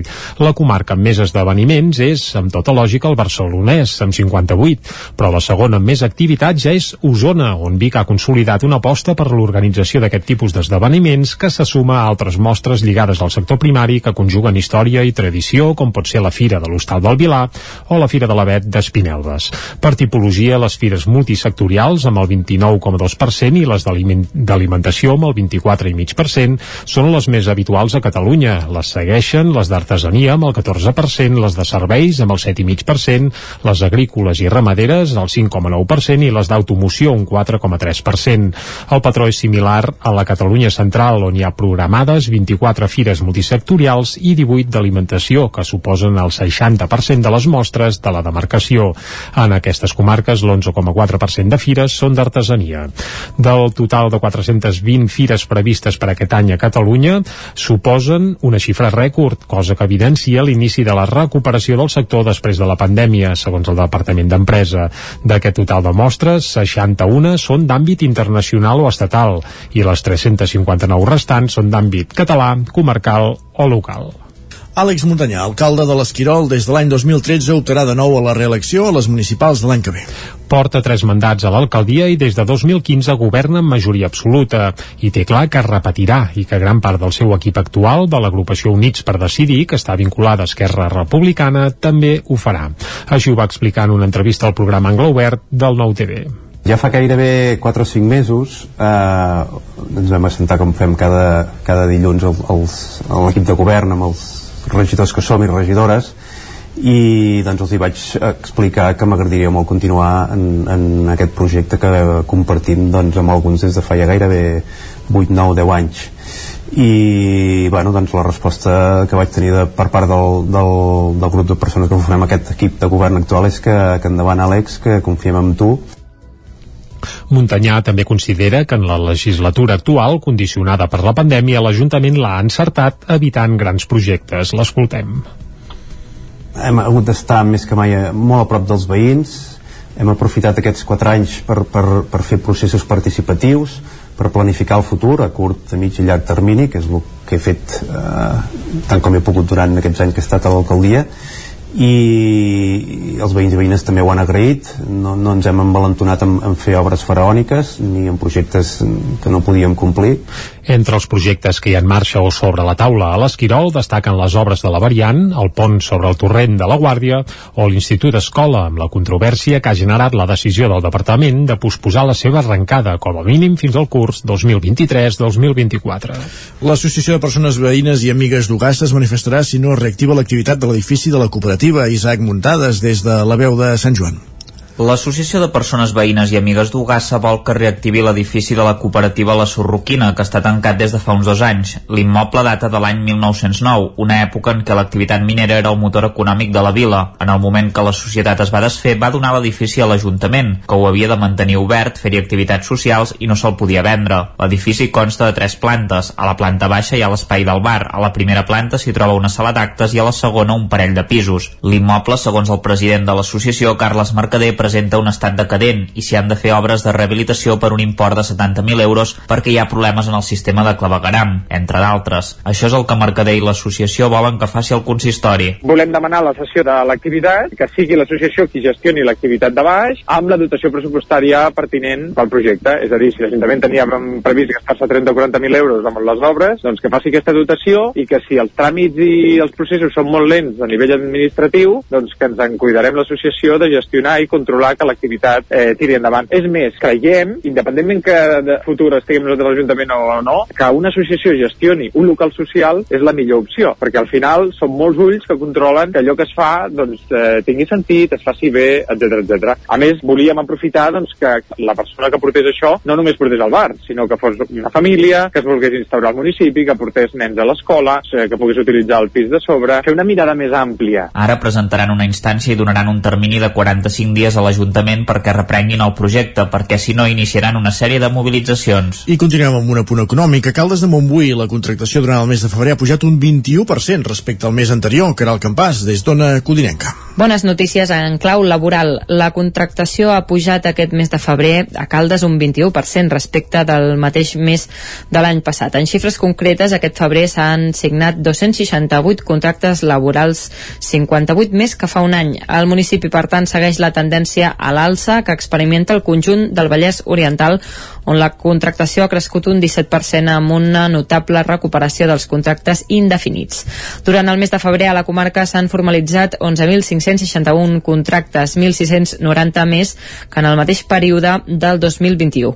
Aquest creixement, com apuntàvem fa un moment, se sustenta en l'augment dels contractes indefinits. Fa un any aquest tipus de contractes suposaven el 17% del total i ara aquest percentatge ha pujat fins al 24%. La contractació indefinida d'aquest mes de febrer també ha crescut un 20% respecte del gener i presenta les xifres més altes dels darrers 10 anys. Per sexes, les dones concentren el 47% de la concentració al Vallès Oriental, dos punts percentuals més que fa un any. Més qüestions. Coincidint amb la commemoració aquesta setmana del 8 de març a Torelló, s'hi ha fet la primera trobada de delegades escolars liles. És una iniciativa de la Comissió Escoles per la Igualtat del Poble que va reunir les delegades liles que hi ha a tots els centres educatius de Torelló per donar-los eines per identificar les violències masclistes i actuar quan es produeixin. 90 alumnes de centres educatius de Torelló, des de cinquè de primària fins a batxillerat i cicles formatius, van participar aquest dimecres al matí a la primera trobada de delegades liles del municipi que es va fer al Museu de la Torneria. La figura de les delegades liles es va començar a implementar l'any passat a les escoles i a l'Institut de Torelló, i aquest curs s'ha consolidat en el marc de la Comissió Escoles per la Igualtat que hi ha al municipi. Escoltem a Salma Eladju, delegada lila de l'Escola Sagrats Cors, Gina Galobardes, delegada de l'Escola Fortià Solà, explicant quines són les funcions d'una delegada lila. La delegada lila el que fa és ensenyar i aprendre com hem de comportar-nos en classe amb aquests temes del machisme i del feminisme. Consisteix en, per exemple, si jo veig que hi ha comentaris machistes o que estan insultant a una persona, pues jo acostar-m'hi i dir-li això no està bé, això no es pot fer, o si algú ha tingut algun problema no, de machisme o alguna així, que també ens poden venir a dir els delegats liles. La intenció de l'Ajuntament de Torelló és que aquestes jornades tinguin continuïtat, ho explica Núria Montanyà, regidora d'Igualtat, Educació i Benestar Social de Torelló. Continuarem treballant amb la Comissió Escoles per la Igualtat, que crec que és un projecte molt potent, perquè en el fons és l'espai on coincidim totes les escoles i des de la regidoria per poder doncs, eh, anar donant resposta a les necessitats que surtin, i en aquest cas la necessitat que hi havia era empoderar aquestes delegades liles, i la resposta ha estat aquesta jornada que si funciona i les escoles ho valoren bé i a més a més poden anar sortint altres temes, doncs poder-ho continuar fent cada any Properament, l'Ajuntament de Torelló disposarà d'una tècnica d'igualtat ajornada completa, primer pas per posar en marxa l'espai feminista que hauria d'entrar en funcionament el 2023. Veniu a mi, la passió de Llinars del Vallès és l'única que visualitza les dones que acompanyen Jesús. Reyes Barragán, directora i autora del text, remarca que als evangelis queda clar que les dones hi són, però no se'ls dona nom. Núria Lázaro, des de Ràdio Televisió Cardedeu. Bones notícies en clau laboral. La passió Ara de sí. Llinars del Vallès aquest cap de setmana ha fet un pas més per consolidar-se en el mapa europeu de passions i ja és Europassió. El grup Tiltall Teatre l'ha presentat oficialment a la Federació Europea de Passions, davant de prop de 200 representants de passions de 14 països europeus que s'han aplegat en la quarantena edició de l'Europassió amb l'objectiu de compartir experiències i posar en valor aquestes expressions centenàries. Veniu a mi, la passió de Llinars del Vallès té un tret diferencial a les altres, no solament perquè presenta el missatge de Jesús d'una manera despullada, sincera i austera, com si la història s'expliqués per primera vegada, sinó també perquè és la única passió femenina que deixa sentir la veu de les dones que acompanyaven Jesús. Això aporta noves dimensions de tendresa i humanitat de la història, manifesta Reyes Barragán, directora i autora del text i guió de l'obra que representa Llinars del Vallès, la única passió de tota la comarca del Vallès Oriental. La directora del Tiltall assegura que tothom pot connectar amb la passió perquè s'hi tracten temes universals com l'amor, l'amistat, la justícia i la pau. En aquesta edició 2022 es representarà els dies 2, 3, 9 i 10 d'abril a les 5 de la tarda al Teatre Auditori de Llinars del Vallès. I un últim apunt per explicar que s'edita un llibre sobre, sobre el doctor Josep Grau, que va ser metge de Prats de Lluçanès durant 55 anys. El volum l'ha escrit l'exalcalde predenc, Lluís Vila. El, du el doctor Grau es va saber guanyar el cor dels predencs a través de dues armes importantíssimes per un metge de poble, un ull clínic gairebé infal·lible i una voluntat de servei que el feia estar pràcticament totes les hores de la setmana a disposició de tothom. Aquest és un fragment del llibre del Pallars al Lluçanès, crònica en píndoles del doctor Grau, que s'acaba d'editar i que recull bona part de la trajectòria, vivències i anècdotes de Josep Grau Torrodà, metge de Prats de Lluçanès durant 55 anys. El llibre l'ha escrit el predenc Lluís Vila, autor de diverses publicacions relacionades amb el Lluçanès, que també havia sigut alcalde de Prats. Vila va decidir tirar endavant el llibre aprofitant que al setembre es va complir el 25è aniversari de la mort del doctor Grau i que l'abril passat va fer 80 anys que va arribar al poble. L'edició ha anat a càrrec de la Fundació Doctor Grau, una entitat que va crear l'any 1998 Teresina Grau, germana del doctor, amb l'objectiu de complir el seu desig de continuar servint la comunitat més enllà de la vida. Josep Grau Torrodà va néixer a Trem, al Pallars Jussà, l'any 1909. Després de cursar els estudis de Medicina a la Universitat de Barcelona, el 1935 es va establir a Sant Boi de Lluçanès com a metge. Al cap de poc va esclatar la Guerra Civil i se'n va anar al front, on va poder adquirir experiència en cirurgia i traumatologia. El 1940 va tornar a Sant Boi i l'any següent ja va ser destinat a Prats, on va exercir de metge fins que es va jubilar, l'any 1979, i a partir d'aquell moment va continuar fent visites privadament a casa seva fins que va morir, l'any 1996. A Grau se'l va anomenar fill adoptiu de Prats i al poble també hi ha una font que porta el seu nom. Arribats a aquest punt, fem una aturada en el relat informatiu que començàvem a les 10 en companyia de Jordi Sunyer, Isaac Muntades, Caral Campàs i Núria Lázaro. Moment ara de saludar però en Pep Acosta per fer la previsió meteorològica.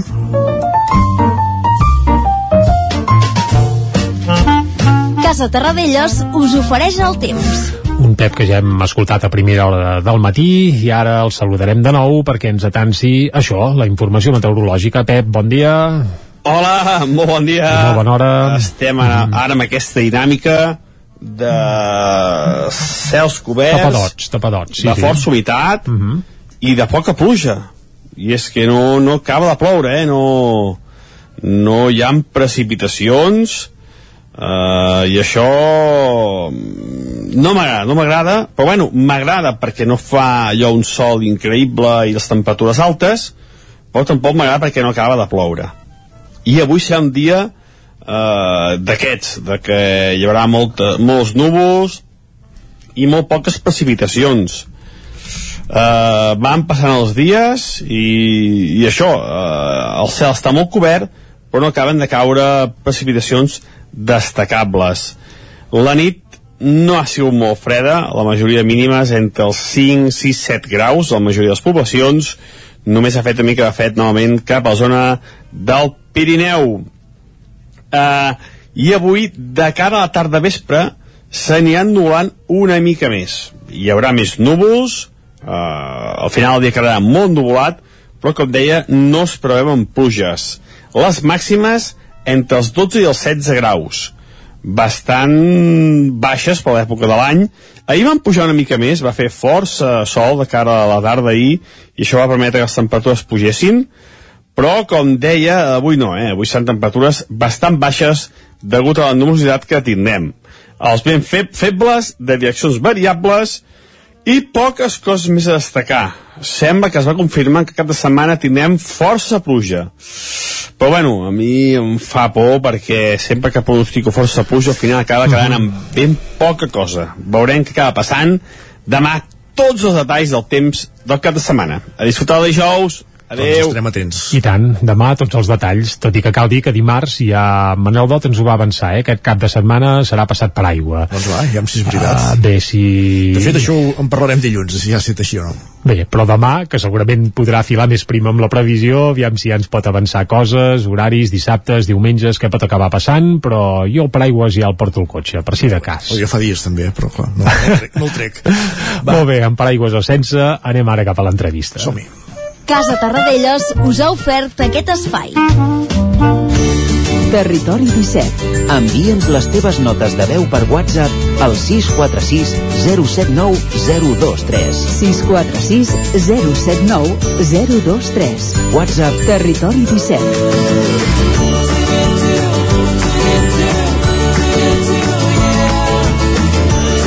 Territori 17. Som a Facebook, Twitter i Instagram amb l'usuari Territori 17.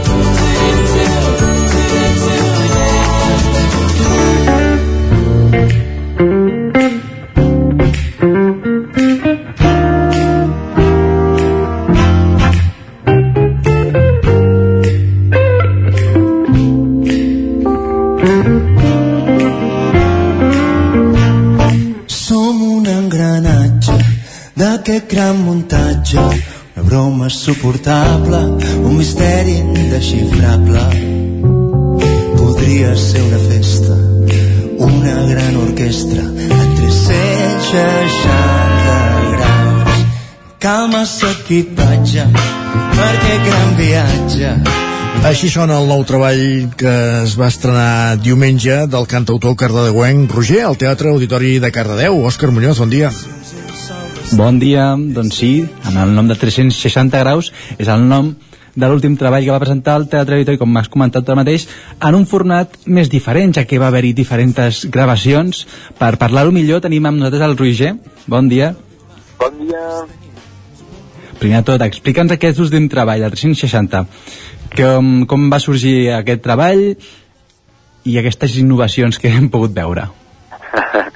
doncs, eh, bueno, aquest treball ha sortit eh, arran doncs, de la voluntat de generar nou contingut després doncs, d'aquests dos anys en blanc eh, que hem passat eh, a nivell de pandèmia. I, mm, i també com donar-hi també un format que, que pogués fer com, bueno, pogués ser com distintiu, innovador, original, eh, que a més a més a la vegada doncs, pogués eh, incloure un dels valors que volíem eh, reflectir, que és doncs, la necessitat doncs, de crear espais de cultura una miqueta diferents, on ens tornem a trobar, veure'ns les cares, per això estaven tots posats així en forma de cercle. i al final doncs, va sortir doncs, aquesta idea també de, del 360 amb innovació tecnològica però a la vegada amb aquest format així diferent 360 graus així des del punt de vista com, com comentaves ara no? diguéssim que que l'angle, diguéssim, que es pot veure tota, tota la disposició sí. de la banda, diguéssim, des d'un mateix punt, no?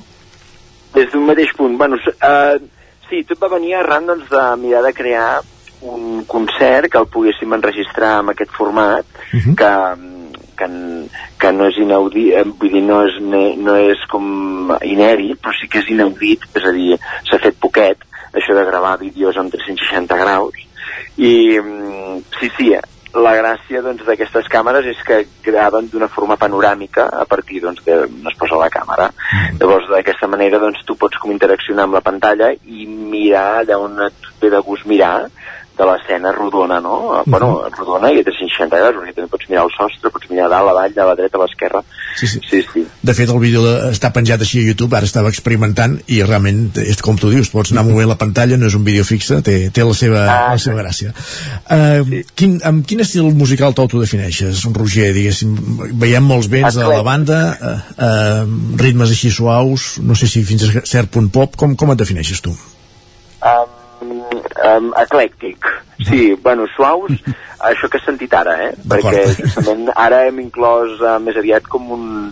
Um, hem inclòs, bueno, una, una vessant com més, uh, més explosiva o, o, sí, sí, la gràcia és com intentar uh, això, fer un repertori com molt més, uh, molt més festiu, molt més ballable, uh, de, de fet deixem enrere una com el que seria el, el, el, el cantautor individual, així més de guitarra, més intimista, eh, més a curta distància per, un, per passar una cosa més a, a l'endautor, una aposta com així més, més contundent eh, sobre l'escenari.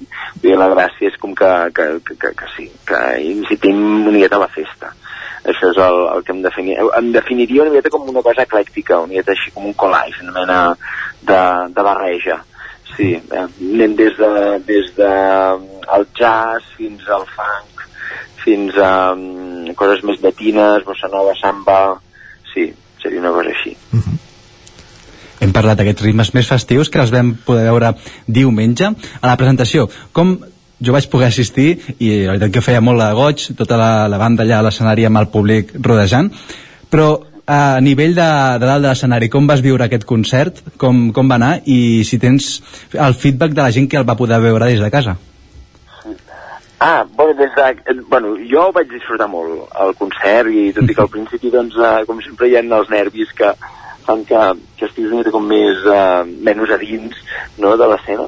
Um, el vaig disfrutar molt, la veritat. I uh, va ser una, un, bueno, això, una mena com de, bueno, jo, jo n'hi vaig definir una mena d'orgia energètica perquè la gent es va com emocionar molt la gent, bueno, la segona part del concert van estar tots drets ballant sí, sí, demanant, bueno, això eh, interactuant molt i des de casa, doncs, eh, bueno, m'han fet constar que, que, que els hi va agradar molt, sí, sí, tres o quatre persones que m'han fet arribar els seus feedbacks que ho van trobar com molt interessant, sí, sí, bueno, molt interessant, molt curiós el fet del 360, sí. El van provar amb les ulleres? Sí, també, bueno, alguns no, des de casa no ho podíem provar amb les ulleres perquè encara no les havíem repartit, no, no havíem sigut a temps. Ens pots, ens pots explicar això més o menys de les ulleres? Com, com les funciona? ulleres, com funciona. Sí, això és un grau, de, és un grau més d'immersió de realitat virtual. Um, és a dir, um, uh, sense les ulleres podem veure el vídeo doncs, amb aquest format panoràmic um, que tu doncs, uh, pots uh, decidir on mires o bé girant el mòbil, el dispositiu, o bé um, si ho estàs mirant amb un, amb un, amb un ordinador doncs hi ha com una mena com de, de control que tu pots anar cap a la dreta i cap a l'esquerra, sí? Mm-hmm. Doncs amb, amb el mòbil hi ha una opció més, que és, eh, de fet ja t'ho posa el mateix, eh, tots els vídeos 360 del YouTube ja et posa com aquesta opció, que és veure amb una cardboard. Una cardboard és una, unes ulleres que, que el que fa és doncs, eh, tenir aquesta sensació de que estàs més a dins de l'escena. Et divideix la pantalla, tu apretes aquest botonet, et divideix la pantalla i llavors eh, te la poses amb unes ulleres que el que fa és doncs, eh, una miqueta com eh, sí, eh, augmenta augmenta la realitat que surt a través de la pantalla com si estiguessis a dins no? i sí, seria això aquestes ulleres, llavors nosaltres hem de fer un disc una miqueta també veient que uh, tot el tema del disc comença a estar una miqueta obsolet, tot i que ara hi ha gent que parla, que diu que tornarà un altre cop al CD. Um, jo no m'ho acabo de creure, uh, més aviat trobo que cada cop veig, venc menys CDs i llavors vam dir, doncs farem unes ulleres que tinguin un format CD, és a dir, hi ha unes ulleres aquestes plegables de Cardboard que vam trobar que tenen format CD però tu les obres i són, són unes ulleres i llavors allà tenen els codis perquè tu puguis mirar els vídeos Uh -huh. i això és una mica el que vam fer mm. Per què vau decidir optar per aquesta tecnologia, diguéssim, el, Sí. el 360 graus? per què vam optar per això? Sí. Bueno, vam optar, doncs, això, per crear... mm, Ens donava... És a dir, jo tenia moltes ganes de crear un, una coseta, un, un centre d'interès que pogués acumular eh, totes les virtuts d'un el que estava buscant. És a dir, un centre d'interès temàtic. És, eh, les cançons parlen al voltant, doncs, de eh, posar-nos en cercle, de mirar-nos les cares, no? de que som un, una petita peça d'un gran engranatge, de que ens siguem conscients de que obrim el macro, de que no ens tanquem a casa, de que tornem a sortir i que tanquem aquest eco- ecosistema humà que som. Llavors, eh, conceptualment això ja, ja, ja buscava com una forma de cercle i llavors el fet de, de poder-ho enllaçar amb aquesta nova tecnologia que vaig pensar, doncs mira, això serà una cosa distintiva de cara a poder oferir, no? És a dir, un, una experiència de, de que la gent digui, hòstia, doncs jo no he anat mai a un concert que després quedi gravat amb un 360. Doncs pues mira, doncs uh, va venir aquesta idea. I llavors doncs recercant, recercant, recercant vaig topar amb gent bastant propera inclús que, que es dedicava a fer això. I vaig pensar, ostres, no, doncs, mira, no en tenia ni idea vull dir que, que tot ha vingut una miqueta com un descobriment i eh, doncs les ganes doncs, de, de fer una cosa que fos així com rodona, diferent mm, sí, com que tingués una miqueta com que agafés aquestes tres virtuts, sí Mira, no ens queda massa temps. El, el darrer treball que vas fer, el Ingràvit, no el vas poder presentar doncs, a causa d'aquest Covid, d'aquesta mundial. Eh, més per això també que el veu voler gravar un concert al 360 per tenir-ho per si de cas? bueno, o... el vam presentar, no, no, sí que el vam presentar el vam presentar una setmana Es va abans presentar, però la gira no es va poder abans realitzar, no? la... Es va presentar una setmana abans de la pandèmia, és a dir, el presentàvem el dia 6 de març del 2000, el 2020, el presentàvem, i el dia 13 ens tancaven. Llavors, eh, clar, va ser un gatillasso, teníem tota una gira preparada i tot això, i, bueno, la veritat és que, que clar, es va anul·lar tot. Llavors, doncs, ens vam quedar una miqueta com amb, amb les ganes, i d'aquí una miqueta que les cançons que vam fer n'hi havia, quatre, n'hi havia cinc de noves, però llavors les altres vam recuperar temes dels anteriors discos, tant de l'Ingràvit com del Paracaigudes. També, sí. Doncs ara ja superada la pandèmia esperem que puguem tornar a veure Roger i amb aquest nou projecte als escenaris. Gràcies per ser avui al Territori 17 per, per explicar-nos aquesta Gràcies iniciativa. I, I convidem a la gent això, a buscar aquest vídeo al YouTube per veure aquest, per experimentar aquesta experiència del, del, de, de veure el vídeo Ara de hem de, 360 graus. hem de penjar el nou, eh? El nou encara no està penjat, el que gravarem, el que vam gravar l'altre dia encara no està penjat, ara només n'hi ha una prova de l'estudi d'un assaig. Eh? Doncs estarem Bueno, pendents. Molt bé, doncs moltes gràcies. Gràcies, Roger, Eh? bon dia. Gràcies a tu, adéu, bon dia, adéu, adéu. Gràcies, Òscar, també. I amb la música de, de Roger, amb aquest 360 graus, eh, arribem a la pausa. 3 minuts i tornem al Territori 17. Aquesta veritat és un bumerang perquè el món ara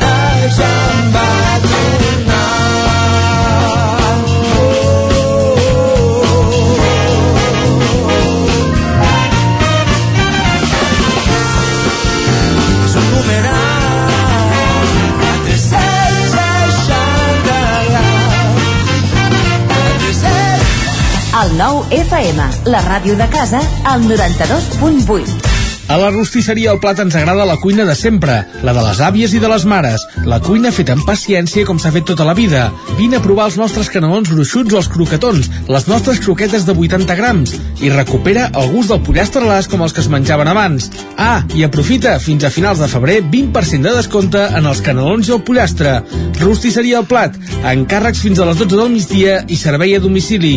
Ens trobaràs de dijous a diumenge al carrer Església número 6 de Taradell o al 93 135 58 85. Cobertes serveis funeraris. Els nostres tanatoris estan ubicats en els nuclis urbans més poblats de la comarca d'Osona per oferir un millor servei. Tanatori de Vic, Tanatori de Manlleu, Tanatori de Centelles i Tanatori de Roda de Ter. Sabem que són moments difícils i per això el nostre compromís és atendre-us en tot moment amb un tracte humà, sensible i respectuós. Cobertes serveis funeraris. Telèfon 24 hores 93 883 23 46. Rètols 2A. Experts en comunicació visual. Rètols, banderoles, vinils, impressió, plaques gravades, senyalització, displays... Rètols Dos Art. Ja són 25 anys al vostre servei. Ens trobareu a la carretera de Vic a Olot, número 7, al polígon Malloles de Vic. dosartvic.com Telèfon 93 889 2588. Al restaurant Xavito Gastro de Vic hi trobaràs una cuina mediterrània i de mercat amb gran varietat de plats, amb arrossos, carn o peix fresc de la llotja cada dia.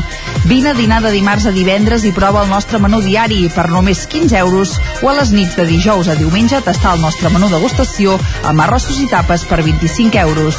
Restaurant Xamito Gastro. Ens trobaràs al carrer Callnou número 9 de Vic i al telèfon 93 094 11 72 o al 747 42 92 58. Cocodril Club. Si t'agrada la bona música dels anys 60, 70 i 80, escolta el 9 FM als matins de dissabtes i diumenges d'11 a 1. És el temps del Cocodril Club, tot un clàssic de la ràdio, amb les bases del pop-rock, les llegendes, les cançons que s'han convertit en autèntics himnes. Recorda, dissabtes i diumenges al matí, d'11 a 1, al 9 FM 92.8. Cocodril Club, el programa revival de l'Albert Malla. Hasta luego, cocodrilo. Anuncia't al 9FM. La màquina de casa. 9 3 8 8 9 4 9 4 9. Publicitat arroba al 9FM.cat. Anuncia't al 9FM. La publicitat més eficaç. El 9 FM, el 9 FM, el 9 FM, el 9 FM. Ara mateix, un punt, dos quarts d'onze, al territori 17.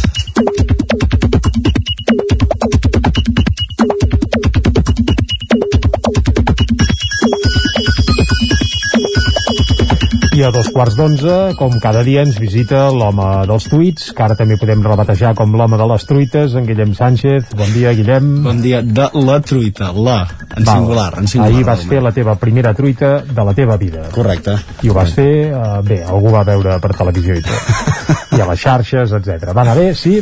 Va anar bé, jo crec que ens en vam sortir i el millor de tot és que la mateixa xef del restaurant El Ferrer de Tall, la Maria Nicolau, es va menjar la truita que vaig fer jo per sopar. Per tant, tan malament no, no devia Maria Nicolau, un mite de la gastronomia usonenca i nacional. Pensa que, la, la Maria mi cuina és- sempre, però un dia que cuinin per ella també... també va està bé. De fet, ho va agrair, ho va agrair en un vídeo que ens va, que ens enviar, va agrair que li hagués fet el sopar, per tant, jo només puc tornar-li aquest agraïment perquè m'ensenyés a, a fer la, la meva primera truita. Deixa'm dir que la Maria Nicolau és la Carme Ruscalleda del segle XXI, eh? Correcte. trempada, xerida i a més gran cuinera i bé, I si encara no la persona, i millor coneixeu, persona. correcte, correcte. Doncs va, fet aquest apunt gastronòmic, anem a capbussar-nos a l'actualitat tuitaire que no sé si passa per futbol, que ahir es veu que a Madrid van haver-hi un partidet o no sé què van fer. Crec que al final en direm alguna cosa. Abans, Va. però, agafarem el fil aquest de les, de les truites, perquè la mateixa Maria escrivia, després de, tota la jornada Mhm. de televisió i de mm, compartir coneixements sobre les truites, ens, ens deia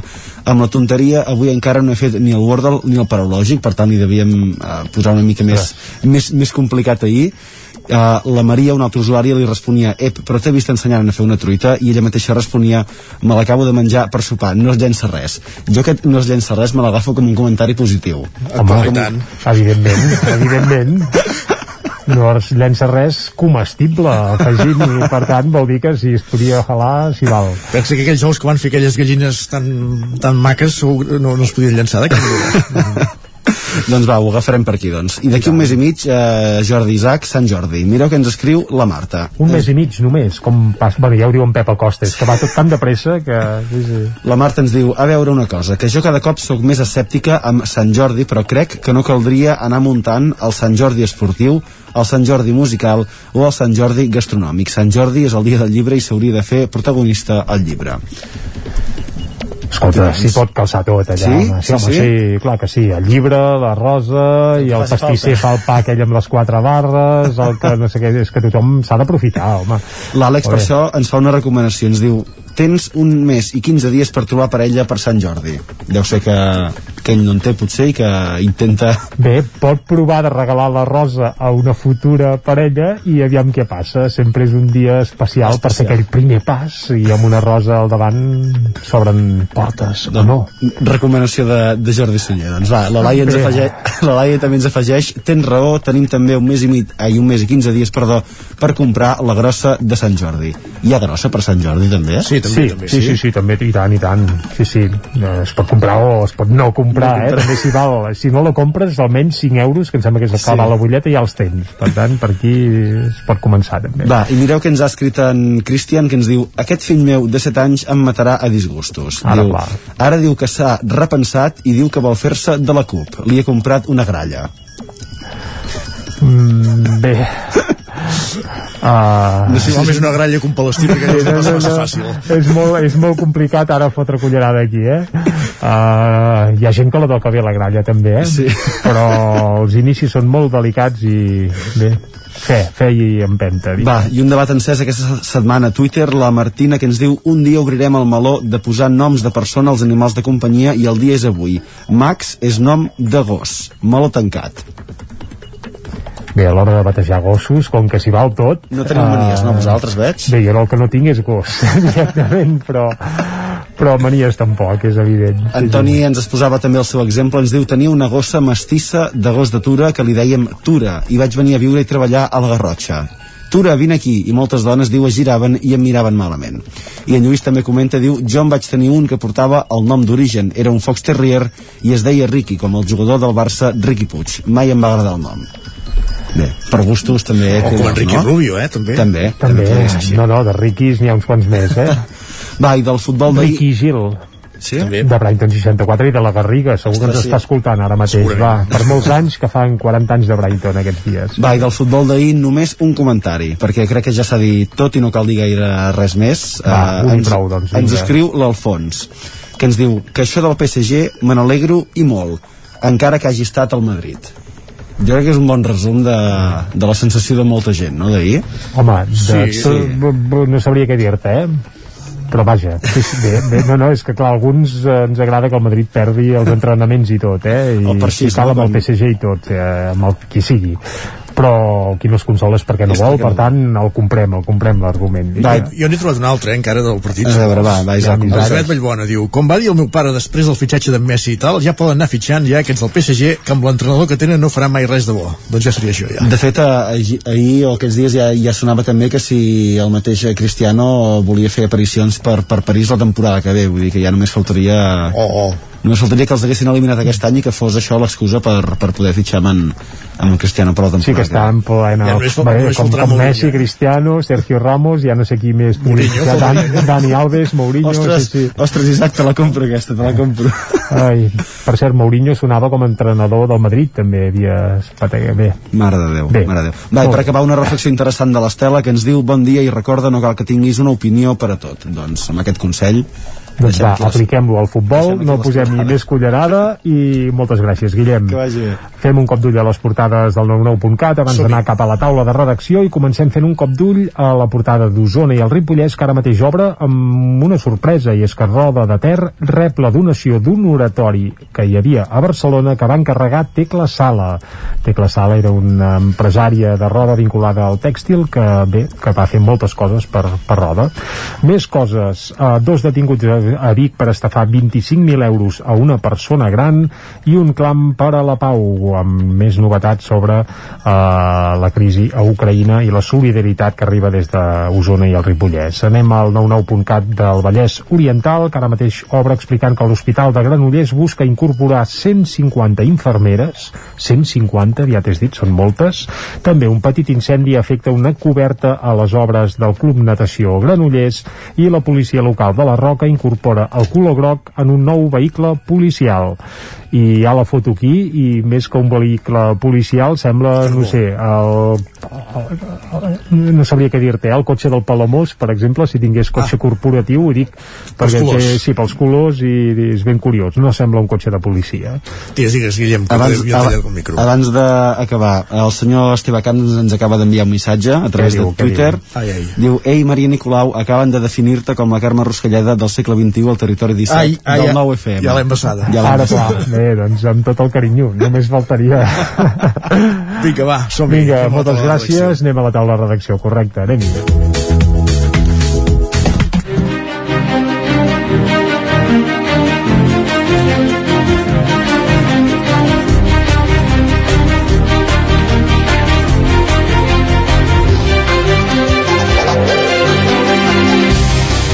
Taula de redacció en companyia de Guillem Freixa i d'Isaac Muntades. Guillem, bon dia. Hola, molt bon dia. Per parlar de la mobilitat a Osona, perquè sí. pràcticament el 90 llargs per cent dels trajectes que es fan a la comarca o per accedir a la ciutat de Vic són amb vehicle privat, entre Sí. altres coses val a dir-ho perquè el transport públic va com va també i arriba on arriba en aquesta comarca, eh? Sí, eh, exacte. Eh? Això parteix d'un estudi que es va encarregar des de Creacció i també el Consell Comarcal d'Osona per estudiar això, eh? per tenir eh, una pinzellada, o millor dit, per aprofundir en com es mouen els usonencs en la seva mobilitat quotidiana. Això vol dir en dies eh, feiners. Um, ho podríem definir amb mobilitat en espiral. Seria eh, per fer-nos una imatge gràfica del que passa quan parlem de moure'ns per la comarca eh, d'Osona i és que la societat osonenca es desplaça de forma majoritària dins els límits territorials de la comarca, per tant ens movem entre nosaltres Sí, som endogàmics, eh? Sí, exacte. Uh, el percentatge que en surt és un 92% dels desplaçaments diaris que es fan es queden dins del territori uh, usonenc. Aquesta xifra que surt d'un estudi que va comptar amb 2.605 enquestes fetes entre l'1 de febrer i el 18 de juny de l'any passat, del 2021, a persones majors de 16 anys residents a la comarca d'Osona. Uh, anant una mica al detall d'aquesta radiografia de mobilitat a, a Osona, el primer titular que ens deixaven durant la seva presentació és que Osona és un sistema consolidat de mobilitat. Què vol dir això? Doncs el que comentàvem, que el gran gruix de desplaçaments es fa dins els límits territorials d'aquesta comarca. De fet, segons les estimacions i els càlculs que es van fer a través de les eh, enquestes, es va determinar que en dies laborables es fan uns 255.000 desplaçaments eh, dins de la comarca d'Osona i de les respostes de la ciutadania um, aviam si coincideixes, eh, Isaac uh, se n'extreia que de mitjana cada persona fa a diari 2,7 desplaçaments, o sigui, uh, 3 viatges durant el dia. No sé si encaixaria amb el teu... No, no el meu són 4 perquè és anar a tornar, anar i tornar. Val, doncs uh, o sigui, passaries d'aquesta mitjana. Sí, clar. la, la mitjana es situa en aquests 2,7 uh, desplaçaments, un 57% dels uh, uh, quals es queden dins el mateix municipi, una persona que resideixi a Vic, a Torelló, a Manlleu, que es mou a dins del mateix municipi on, on resideix, el 34% marxen cap a altres ciutats de, o poblacions de la comarca d'Osona i només un 8% surten d'aquests límits eh, usonencs i van cap a altres punts de Catalunya principalment i amb el percentatge més elevat cap a la ciutat de, de Barcelona. Eh, també deien eh, la idea aquesta d'efecte pèndol, eh, que tothom que va cap a un lloc després torna, o sigui que tenim els desplaçaments en destinació i en origen que són molt similars, encapçalats eh, òbviament per quantitat de població per Vic i seguits per Manlleu i Torelló i el que dèiem, eh, la mateixa gent que en les enquestes deia que el seu origen era Vic eh, també tornava cap a Vic al final del dia feia el viatge d'anada i tornar d'aquest efecte eh, pèndol.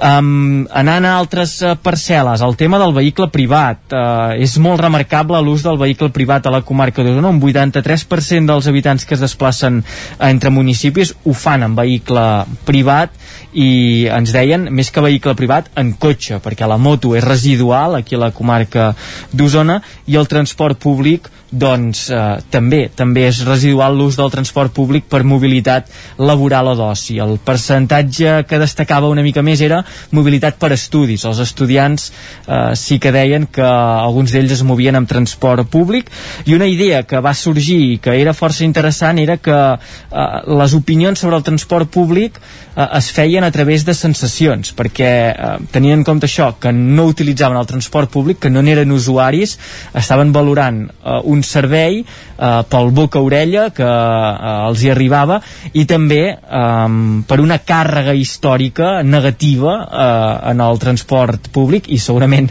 real eh, que, no funciona, que no funciona bé i per això hi havia aquesta opinió de sé que no funciona bé i per això ja no l'agafo ni, el, ni el provo dins els transports públics sí que el que treia bona nota era l'autobús eh, l'E12, el que connecta Vic amb, uh -huh. amb Barcelona, però es criticava que només sortir de Vic, per tant es dificulta l'accés a gent d'altres punts de la comarca que no té la possibilitat d'arribar amb facilitat a la capital d'Osona.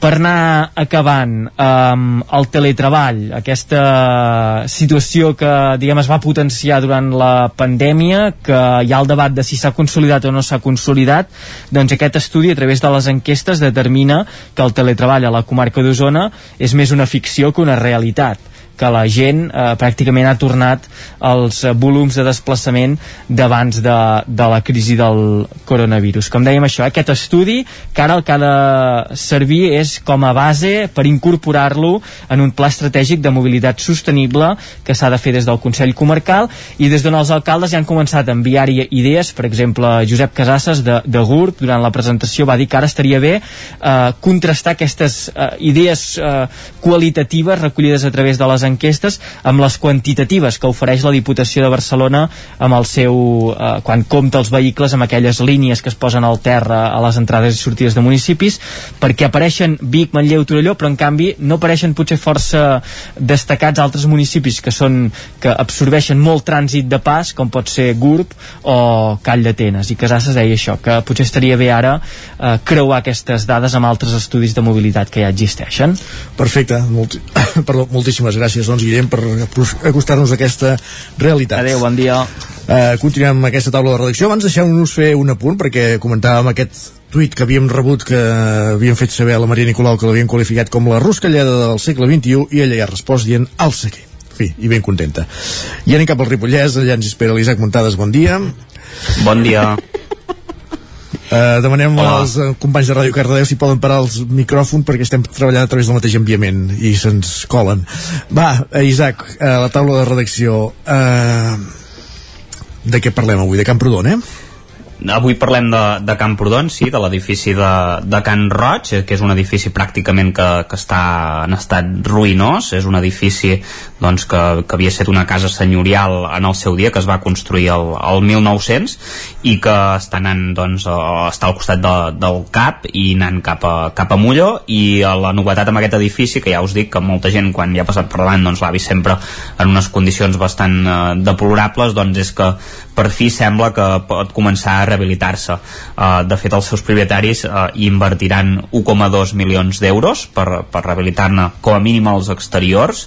Aquesta és l'acord la, amb què s'ha arribat doncs, amb l'Ajuntament, la, que els hi ha demanat sisplau que ho fessin perquè realment estava molt mal, en molt mal estat i s'arreglarà tot el que seria la façana, la teulada, eh, els jardins i, i tot, tot una mica en general, no? perquè quedi una mica, doncs, bé, és un edifici que en el seu dia doncs eh, havia sonat perquè s'hi fes un geriàtric privat això s'havia comentat en, amb el darrer propietari eh, no, no va reeixir no va reeixir fa uns 6 o 7 anys que també a més a més va quedar paralitzada eh, tota aquesta rehabilitació perquè ja s'havia d'haver rehabilitat abans. I, i ara mateix doncs, sí que l'actual propietari sí que no, no vol fer-hi un geriàtric privat, de moment només farà aquestes obres de consolidació i, i sí que queda oberta la porta que, que ens va explicar l'alcalde Xavier Guitart de, des del consistori és d'explorar doncs, que es pogués eh, signar un conveni o algun tipus de sessió o, o alguna cosa, és un acord que està molt verd de moment per tal d'ubicar-hi doncs, algun, algun servei no? que podria anar des d'instal·lar-hi l'oficina turística o, o precisament com que està al costat de, del centre d'atenció primària doncs, que pugui ser un anexa i, i s'hi puguin fer coses ja, ja us diem, és un edifici molt emblemàtic de, de Camprodon, amb més de 780 metres quadrats construïts, que va ser d'hospital de campanya durant la Guerra Civil Espanyola i que des dels anys 70 doncs, està molt, molt deteriorat i s'ha anat, anat caient a, a trossos. Doncs veurem com evoluciona. Gràcies, Isaac. A vosaltres. I ara sí, restablim línies amb Ràdio Cardedeu perquè de seguida entrem cap a la plaça.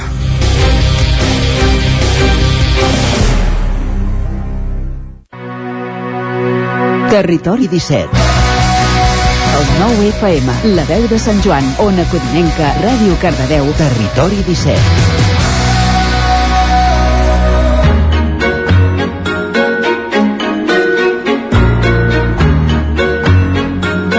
Quan falten 12 minuts perquè siguin les 11, al Territori 17 ens endinsem a la secció setmanal sobre nova economia que fem en companyia d'11.cat des dels estudis de Ràdio Televisió Cardedeu i amb la Maria López. Maria, bon dia. Molt bon dia, Isaac. Ens hem colat abans d'hora, eh, per les sí, zones abans. sentit, t'hem sentit que estava rient, ja, com, com sempre, sentit en el teu, en el teu repartir- ambient habitual.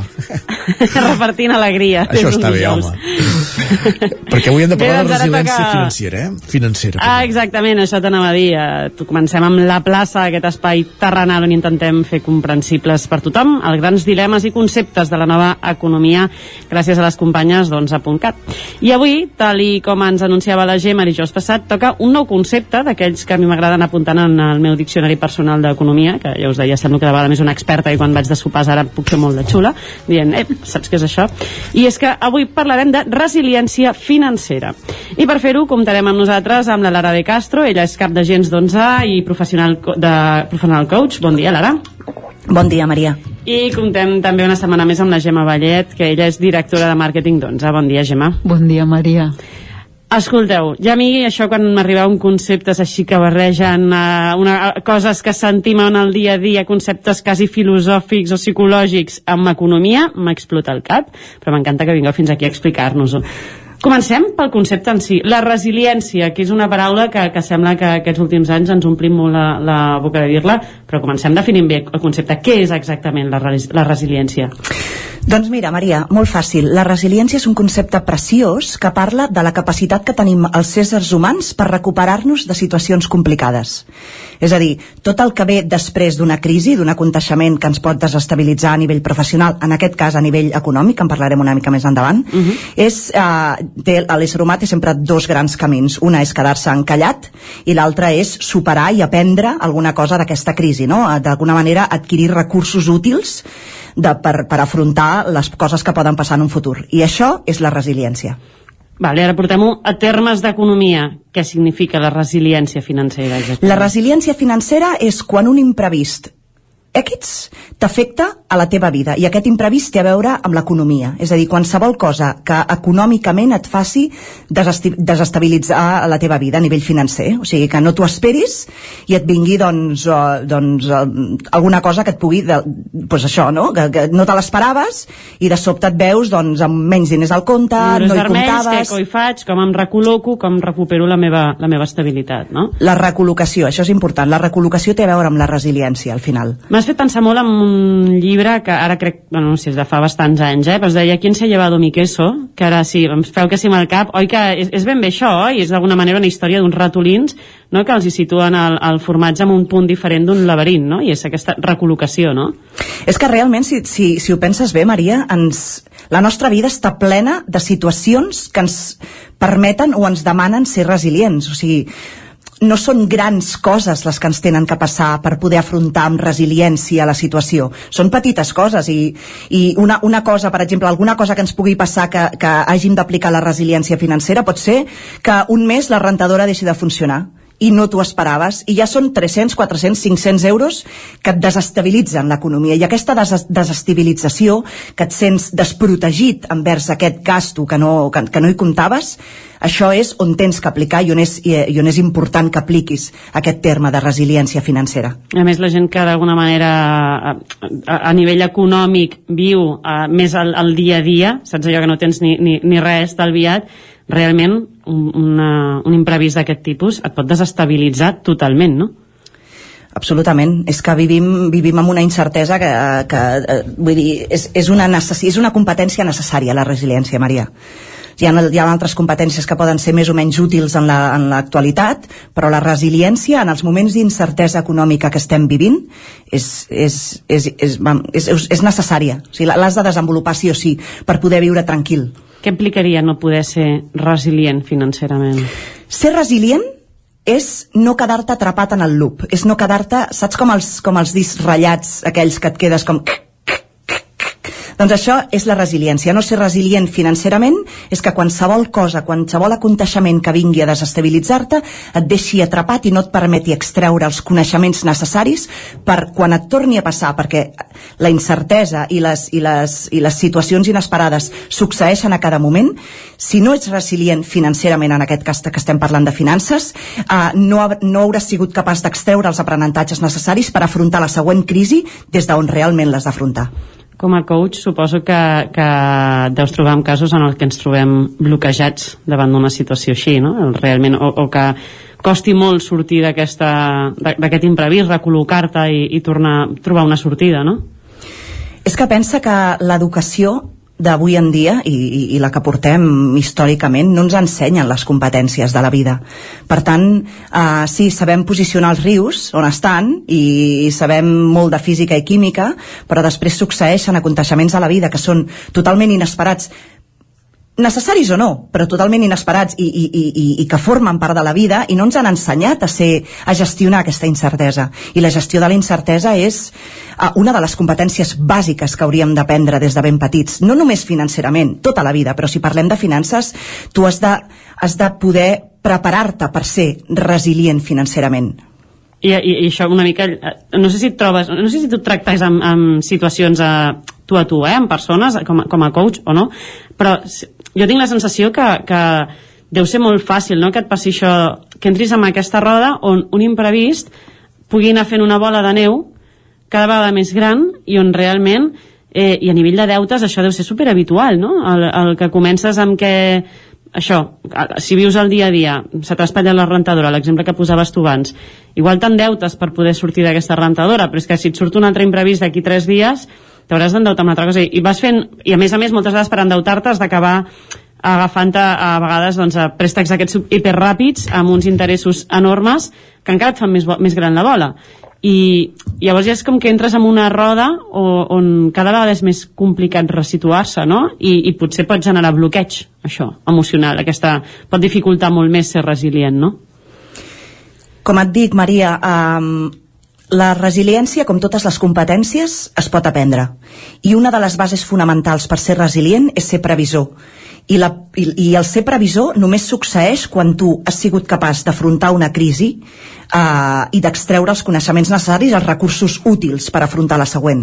Per tant, sí, és molt fàcil i ens trobem molt uh, amb persones que es bloquegen, però el més important és que es bloquegen perquè no poden fer net però no només fer net a nivell de deute, o sigui, és això que pot passar, no? que tu t'endeutes en un moment, et torna a succeir una altra cosa i et tornes a endeutar sense haver fet net. No estic parlant d'un net només a nivell financer, sinó també d'un net de previsió i de planificació cap a un futur. Si jo no sé cap a on vaig i no, m'he- i no he fet una previsió planificada i estratègica cap a on vaig, no? o sigui, Mhm. no tinc clar quin és el meu objectiu i el que jo puc fer amb els recursos que tinc, no només financers, sinó també personals i psicològics, em quedaré atrapat i estaré dintre d'aquest loop que et dic, que és tan perillós, perquè al final et quedes donant voltes i és aquella bola de neu que va caient, va caient, va caient i cada vegada eh, és més gran i tu cada vegada ets menys uh, uh, ets, ets, te- tens menys possibilitats de ser protagonista de la teva pròpia història, no? de prendre les teves pròpies decisions. Per tant, una de les coses per afrontar-nos a la resiliència és la preparació, la preparació i el pla financer cap al futur. Això, tal com anaves dient, anava pensant que amb la Gemma havíem parlat altres vegades aquí a la plaça de, de que hi ha poca educació, ja no només a nivell de resiliència, sinó de planificació del teu dia a dia, no? I fe, posaves l'exemple dels rius i tal, jo porto una setmana aprenent-me les comarques de Catalunya una altra vegada, però més enllà d'això és això, no? Perquè no, no s'aprèn a l'economia del dia a dia, no? O, o el distribuir el si jo guanyo tant, fins on puc arribar per pagar un lloguer i quan m'hauria de reservar per aquestes coses, no? Aquest, aquesta cosa més del dia a dia i que, i que la societat de consum també fa moltes vegades que després se t'escapi la situació de, de les mans, en molts casos, no? Anem a buscar una mica claus per aplicar aquesta resiliència financera. Doncs mira, bàsicament la resiliència financera es pot entrenar en petites accions persistents, òbviament, al dia a dia. Què vull dir persistents? Que no les pots eh, aplicar avui i demà oblidar-te'n, perquè com tots els hàbits i com totes les competències necessiten d'una feina diària. I bàsicament es sustenta en tres pilars. Estalviar, formació financera i un pla financer.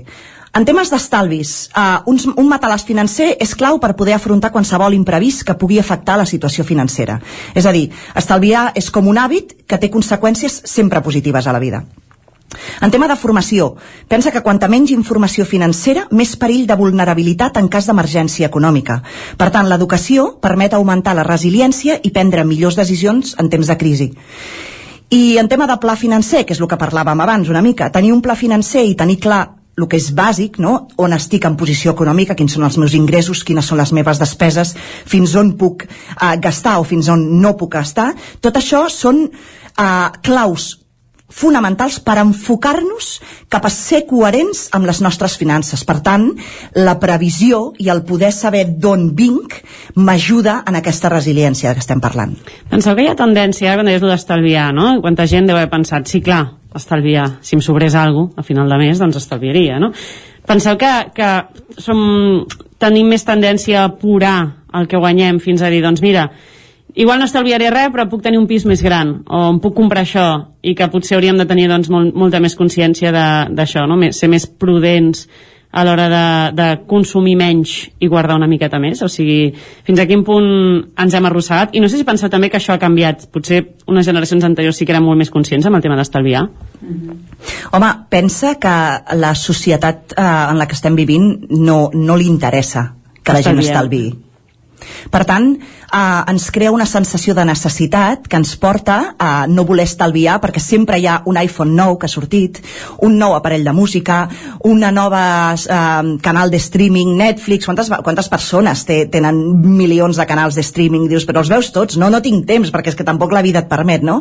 I totes aquestes coses són el que s'anomenen gastos formiga, que són petits gastos que tu vas tenint, dels quals no tens control, que no saps per què els estàs tenint, i, i lliguem una mica amb la teràpia financera que vam sí. estar parlant l'altre dia, no? Sí, sí, sí. Totes aquelles coses que tu fas, que no saps per què les estàs fent, però és que la societat és la que t'arrossega. I com en aquesta societat no li interessa el pensament crític, per tant no li interessa gent que se senti un dia a prendre's un cafè amb ella mateixa i digui, a veure, on estic? Què és el que em convé? Què és el que no? Perquè, perquè, perquè si no és, es, convertim a persones en persones crítiques conscients d'on estem vivint i això a la societat no li interessa.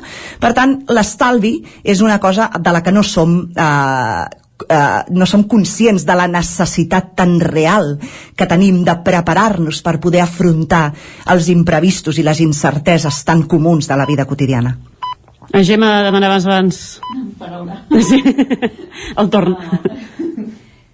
A veure, el tema és molt complex, eh, com, com estem veient, perquè una cosa és la, la gestió financera personal, i l'altra la gestió financera a nivell macro, macro país no? Uh -huh. llavors que tenim aquí tenim que a nivell macroeconòmic necessitem també una educació molt eh, capdavantera per poder anticipar-nos aquesta gestió de l'estalvi perquè estem treballant per exemple no? com amb tres o quatre velocitats ara jo puc estar pensant de estic estalviant per fer X per als meus estudis, per lo que sigui però de cop i volta m'apareix una guerra llavors això et canvia tota la, tota la teva planificació uh -huh. financera llavors has de tenir sempre aquesta doble o triple visió i no ens oblidem estem a dins d'un sistema capitalista i el sistema capitalista per funcionar necessita el consum continu. I aquest consum continu se sustenta, si per exemple em permeteu està molt de moda aquesta aplicació que és Klarna, que són pagaments frac fraccionats. Quan estàs comprant per què? Mm, és casualitat que s'han posat tan de moda les aplicacions tipus Aplázame de compra amb... no és casualitat. Hi ha algú que ha tingut una visió capdavantera de coses que a macroeconomia succeirien i que per molt que jo m'estigui autoplanificant hi ha un punt que se'm, se'm marxa i em fan entrar com a persona a dins d'aquests cicles de tanto, tanto gano, tanto gasto i a més a més m'endeuto contínuament per Sí, sí, poder sí, pagar sí. a la, la funcionalitat de Plázame no? llavors eh, és per això que bueno, era, és una reflexió, eh? no, no és que tingui una veritat però és que has de tenir com dos o tres vers, eh, formes de pensar i clar, i això és educació o sigui, una, una educació molt molt uh, de principi, de diguem-ne quan la, la gent comença a l'escola, després en el món universitari i que t'han d'acompanyar per fer per parar aquest, aquest impuls de consumir, consumir.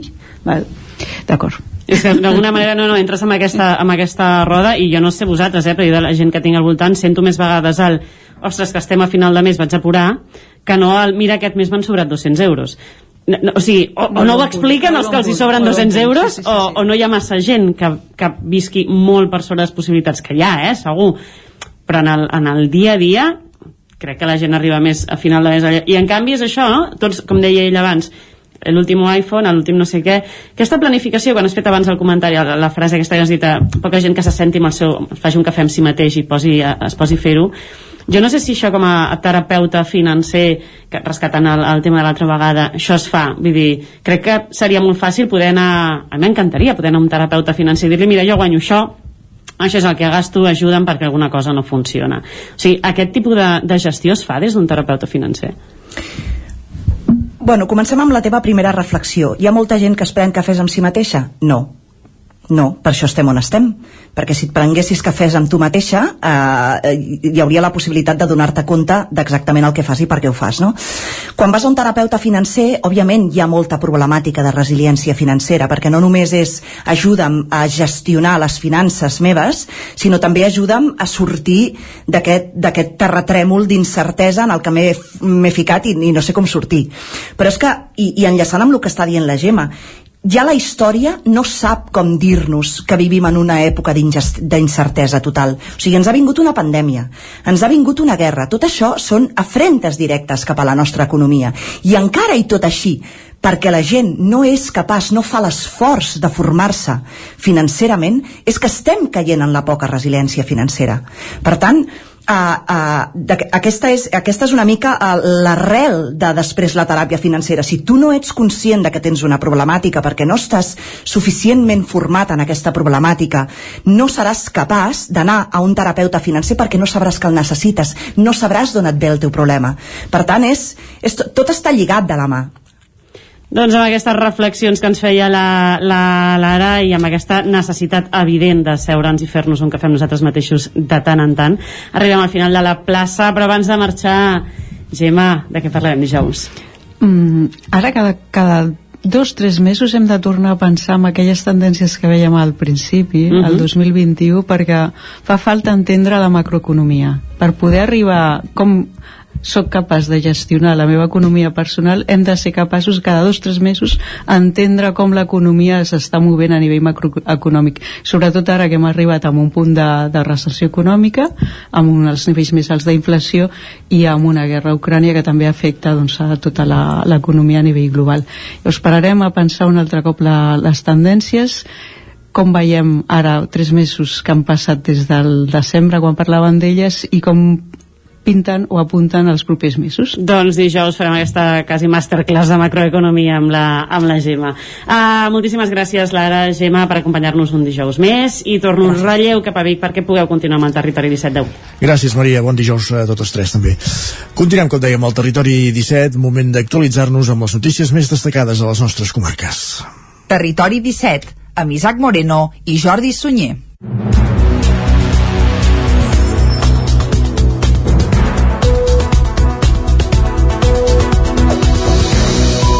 Us expliquem a aquesta hora que una delegació del Fons Català de Cooperació, presidida per l'alcalde de Caldes de Montbui, es desplaça a la frontera amb Ucraïna. Caral Campàs, des d'Ona Codinenca. La delegació està formada pel president del Fons Català i alcalde de Caldes, Isidre Pineda, el director de l'entitat, David Minoves, i la responsable d'emergències i la cap de comunicació. Des del Fons Català han establert dues vies de treball. La primera, centrada en preparar la rebuda a persones refugiades per tal de poder proporcionar asil i la segona és una campanya d'emergència humanitària, una de les accions del qual és precisament aquest viatge. En parlava en aquest sentit Isidre Pineda, alcalde de Caldes. I és important, primer de tot, fer una, una bona identificació de quines són les necessitats que hi ha a la frontera entre Polònia i, eh, i Ucraïna. I és important també enviar el missatge a la ciutadania catalana de que hem d'organitzar-nos davant d'aquesta crisi. Pineda detallava quina és la situació a la frontera sud-oest d'Ucraïna amb Polònia. Um, en el primer contacte ja hem vist com uh, a Cracòvia mateix uh, moltes uh, persones refugiades, majoritàriament mares, uh, infants, uh, persones grans, s'aplegaven uh, a l'estació central de Cracòvia um, esperant a l'espera d'un tren que els, que, els, uh, que els dugués lluny de la guerra i realment el primer contacte que hem tingut ja ens marca la cruesa i els efectes humanitaris devastadors de la mateixa, del mateix conflicte perpetrat per Rússia. Després d'haver fet aquesta identificació de necessitats sobre el terreny, s'establiran aliances entre municipis i entitats locals per tal de planificar les accions de la campanya. Segons un comunicat del Fons Català, la informació que s'ha rebut fins ara sobre les recollides de material a Catalunya és preocupant, ja que el transport de materials cap a Ucraïna està sent molt difícil.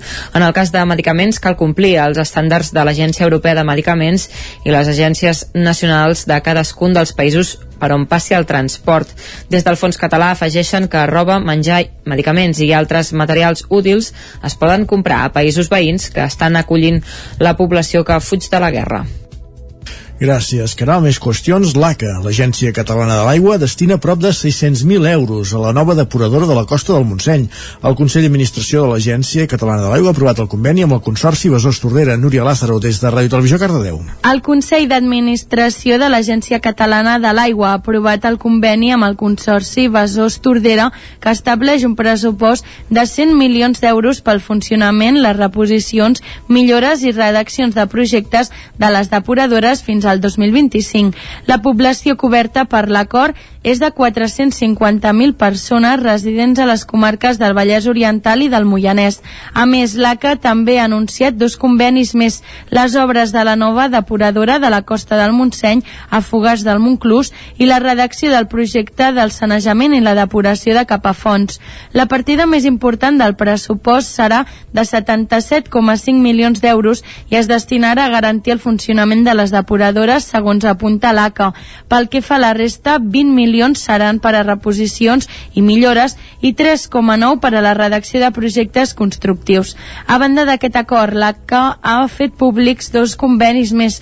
D'una banda, un segon conveni amb el Consorci Vasos Tordera de 579.000 euros per a les obres de la nova depuradora de la costa del Montseny dins el municipi de Fogars del Montclús. D'altra banda, han signat un darrer amb el Consell Comarcal del Baix Camp per una inversió de 48.200 euros per a la redacció del projecte constructiu del sanejament i la depuració de capafons. I l'Ajuntament de Ripoll condemna les pintades i les enganxades de cartells i adhesius a favor del Dia de la Dona. Isaac Muntades, des de la veu de Sant Joan. Com sol passar durant el 8 de març, coincidint amb el Dia Internacional de la Dona, Ripoll va aparèixer ple de cartells i adhesius enganxats a les parets privades, públiques i a mobiliari urbà, sobretot en fanals, baranes, papereres i senyals de trànsit. Cartells de color morat, com el de tres voltes rebels, o d'altres on s'hi podia llegir que abuseu sexualment de nosaltres i que ens toqueu sense permís, en referència a coses que detesten les dones, però també baranes pintades en pintura lila. L'Ajuntament de Ripoll va mostrar públicament el seu rebuig a aquestes accions en considerar-les com uns actes vandàlics que no porten en lloc. Pel consistori suposen més feina per la tasca diària de la brigada de neteja, que podria estar fent altres labors. A més, s'han d'utilitzar productes agressius per eliminar-les que s'acaben pagant amb els impostos de tots els ripollesos. L'Ajuntament creu que no es dignifica la seva tasca, ja que es mostra un ripoll brut i deixat, que en cap cas és per la manca de cura de la brigada de neteja. A més, totes les pintades o accions fetes en façanes particulars porten un cost pels propietaris, que els suposa malmetre la façana per netejar-la i en moltes ocasions pintar-la tota de nou, un fet que consideren injust. El consistori creu que tothom pot defensar les seves idees, però no toleren que per fer-ho s'hagi de malmetre el mobiliari urbà i les parets i façanes de la vila.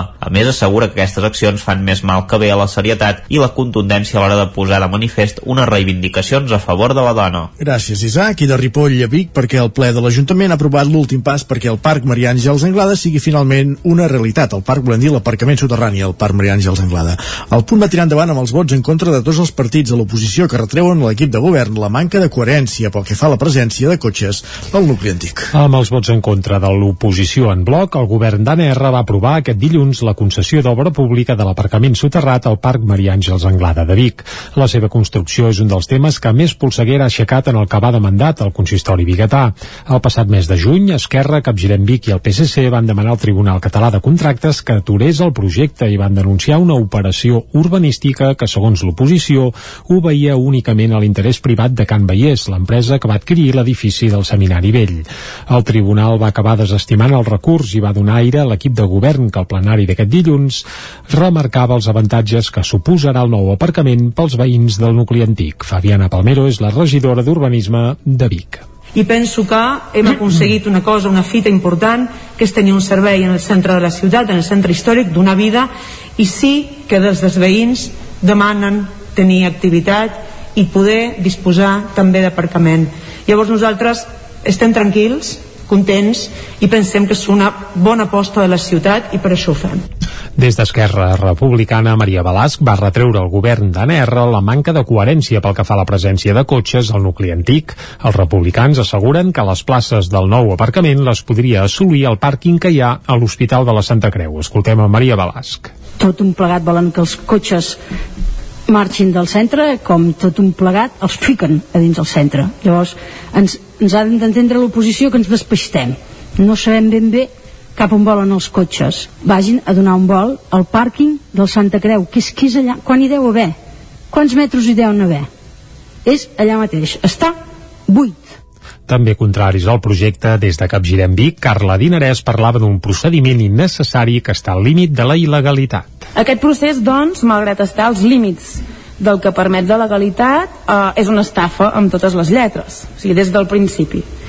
Perquè es va justificar una necessitat falsa d'un aparcament un aparcament que acabarà construint la mateixa empresa que el necessita per si algú en dubtava i vostès governen aquesta ciutat i són responsables per vetllar per les bones praxis i per acabar amb les pressions que pugui tenir un govern, que sabem que n'hi han. La regidora del PSC, Carme Tena, també hi va votar en contra i posava en valor la unitat de l'oposició. L'escoltem. Tot i les maneres de pensar i de fer diferents a cada grup, hem estat capaços d'unir esforços per defensar l'interès general davant de l'interès particular que defensa el govern de la ciutat. Esquerra, Capgirem i el PSC també van votar en contra de la incorporació de 5,3 milions d'euros del romanent al pressupost. D'aquests, més de 3 milions es destinaran a projectes de ciutat, com ara l'expropiació de la plaça de la Noguera o l'ampliació d'asfaltats, unes prioritats que l'oposició bigatana no comparteix. On sí que hi va haver entès va ser la moció que va presentar Capgirem Vic en nom de l'associació Tal Com Som i que va defensar l'activista trans Fina Campàs. A través d'aquest punt, el col·lectiu va reivindicar el dia 31 de març com a Dia Internacional Nacional de la Visibilitat de les Persones Trans. Amb la seva aprovació es va acordar que aquests dia, i també el 28 d'octubre, unegi la bandera trans a edificis municipals. Escoltem a l'activista trans Fina Campàs. És, doncs, una data de visibilització. És l'eina per reclamar el reconeixement dels drets de les persones trans, que a dia d'avui no tenim reconeguts, en què encara avui dia tenim com a referència legislativa la llei de 2007 anomenada Llei Zapatero i la seva modificació del 2008 en què es reconeixia el canvi de nom registral sense passar per una cirurgia de modificació genital, però mantenia encara la patologització amb l'obligació de passar per tractaments hormonals. També es va aprovar que els actes que es programin amb motiu del 8 de març es facin en perspectiva de gènere i que les dones del col·lectiu trans també siguin incloses en el manifest feminista. Gràcies, Jordi. Un quart de 12 del matí. Acabem aquí aquest repàs informatiu eh, que començàvem al punt de les 11 al territori 17 en companyia de Jordi Sunyer, que era el campàs, Isaac Muntades i Núria de Lázaro. Tot seguit al territori 17 parlem de llengua. Ens acompanya la Cristina Enfruns.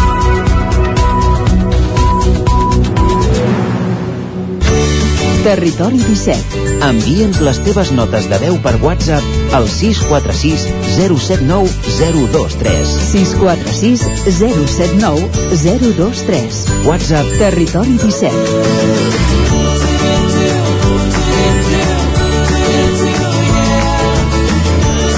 Territori 17.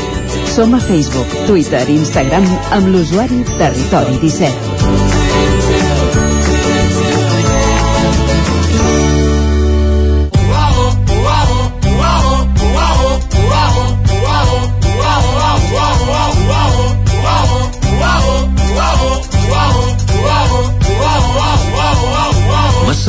Paraules, agulla, fil de cosi, tisores... Cristina Fruns, bon dia. Bon dia. A tu no, que te'n sobren de paraules. De fet, cada setmana ens en portes unes quantes, eh? Eh, Avui es porto més que paraules. Ah, Avui es porto tot un llibre sencer. Carai, que n'hi ha moltes de paraules en un llibre. Exacte. Doncs sí, en aquest, en aquest moltes, eh? Perquè feia dies que us el volia portar, però bé, anaven sortint altres coses i bé, ha ha arribat el moment. Molt bé. Us volia parlar del llibre Salvem els mots, que segurament que n'heu sentit a dir alguna cosa, que és del lingüista Jordi Badia. Va aparèixer l'any passat, però l'autor encara en va fent, el va presentant arreu. Eh? Per tant, bé, de què va aquell llibre? Doncs bé, no sé si n'heu sentit a parlar, però aquest llibre neix... Corre a- per casa, i fins i tot diria, imagina't. i segurament que també mm, tu que ets aficionat al Twitter l'has vist, no? Sí. Ell, ell feia cada, cada dijous eh, feia una piulada en què hi havia una llista del que ell anomenava mots a preservar i ho feia amb una etiqueta que es deia Salvem els mots cada dijous anava fent i d'aquí mm, doncs li van proposar recopilar-los tots, aquests tuits i fer-ne un llibre. I d'aquí va sortir la idea i aquí es va fer realitat no? es tracta de 200 parelles de mots o expressions en què el primer ha agafat tanta força que ha marginat el segon. És a dir, són dos mots tots dos són correctes, eh? això sí però eh, el que és més rellevant és que el, el que cada vegada es diu més és el que s'assembla precisament al castellà és a dir, es veu la, la interferència que produeix aquí la llengua dominant mentre que el segon es fa servir cada cop menys eh? va quedant arraconat que no vol dir que estigui en perill d'extinció eh? això ho diu Badia igualment i, i ell diu que precisament la gent jove és la que té més tendència a fer servir les formes que s'assemblen més al castellà. Uh, et puc posar un tall de veu que hem sentit abans a l'informatiu i que m'ha fet pensar uh, d'alguna manera amb això que estàs dient. Espera que l'estic buscant eh, que ara uh, no, uh, sí ja el tinc, és aquest.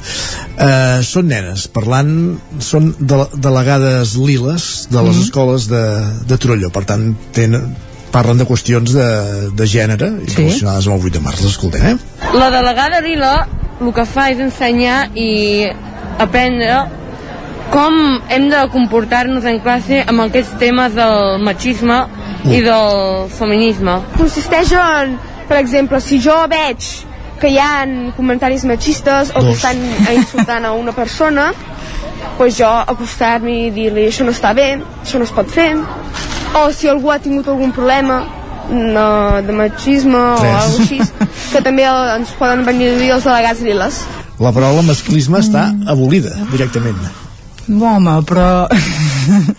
no sé què dir-te ara, eh? No sé què dir-te. Però bé, eh, fixa't que sí. això seria ben bé un barbarisme, eh? No, correcte, sí, sí. Eh, que no és el que explica el Badia. Eh? Ell diu que són dues paraules completament correctes, però és això, eh? Que la, la que tenen més tendència aquest jovent a fer servir és la que s'acosta més al castellà.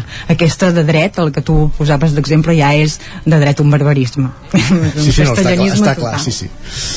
Mm, bé, mm, però bé, ja, de- Déu-n'hi-do com es parla de masclisme, per tant haurem d'ensenyar en aquesta canalla de... sí, sí.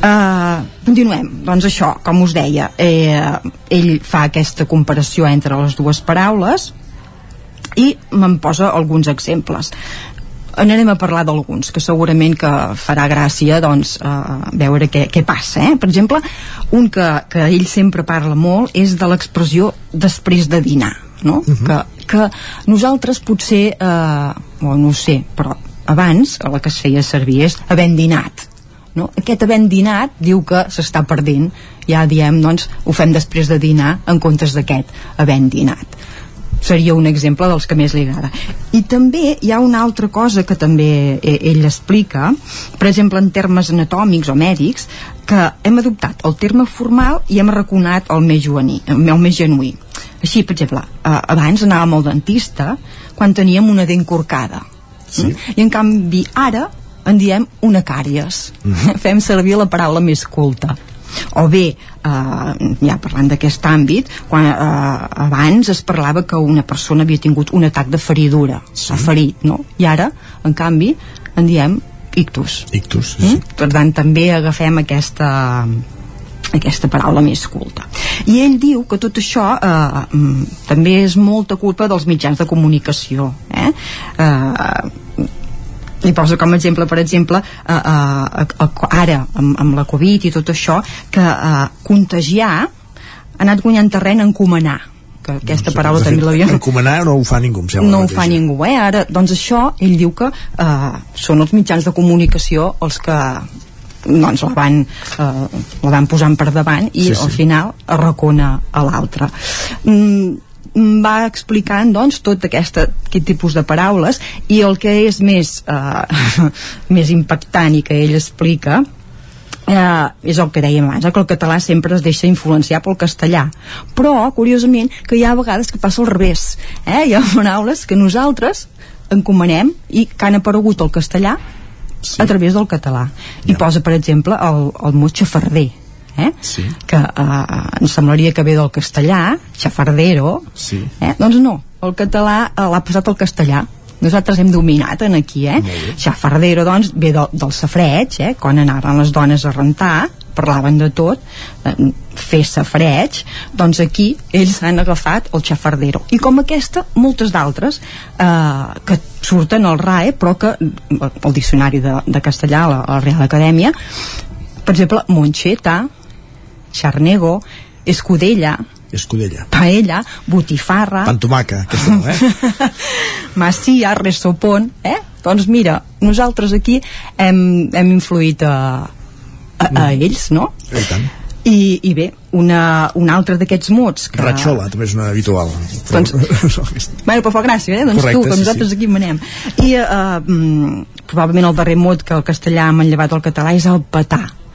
Eh? Curiosament, el diccionari castellà atribueix al nostre petar català un significat que no registra el català, que és agradar, no? Mhm. és, eh, eh, Ho peta.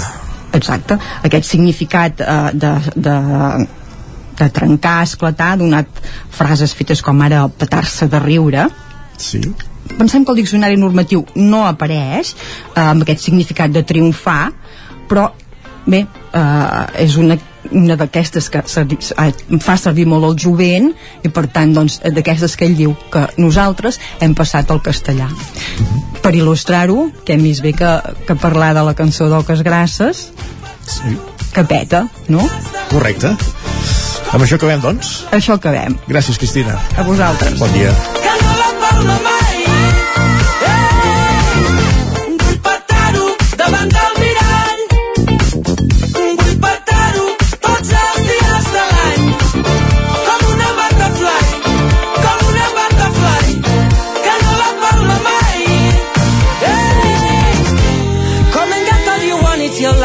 All your shadows are la la la la.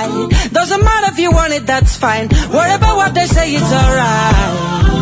Eh, it's alright. Alright, alright. Quan tot és tan gran i tan petit, tan merda i tan bonic,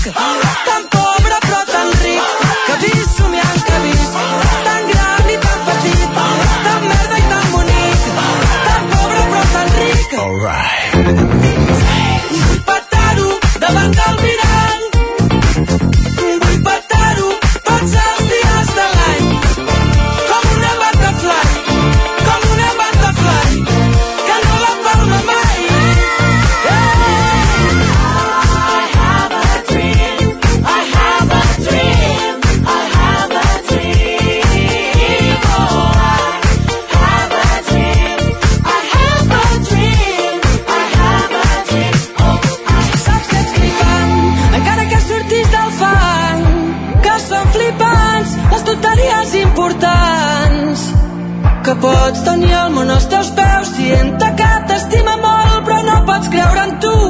Si no t'estimes tu saps que ets flipant, encara que surtis del fang, que són flipants quan oblidem que ens hi hem fet mal. Que pots tenir el món als teus peus. Dient que t'estima molt però no pots creure en tu. Si no t'estimes tu quan tot és tan gran i tan petit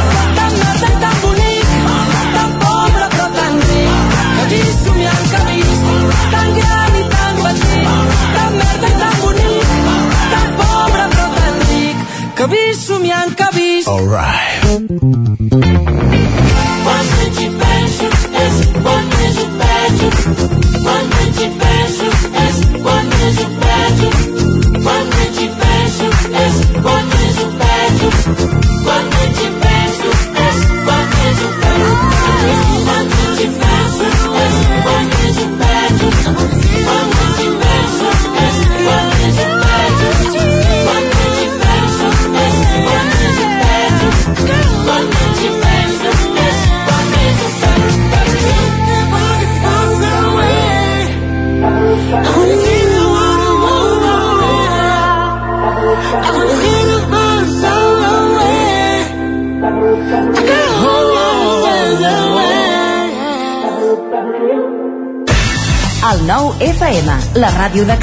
al 92.8.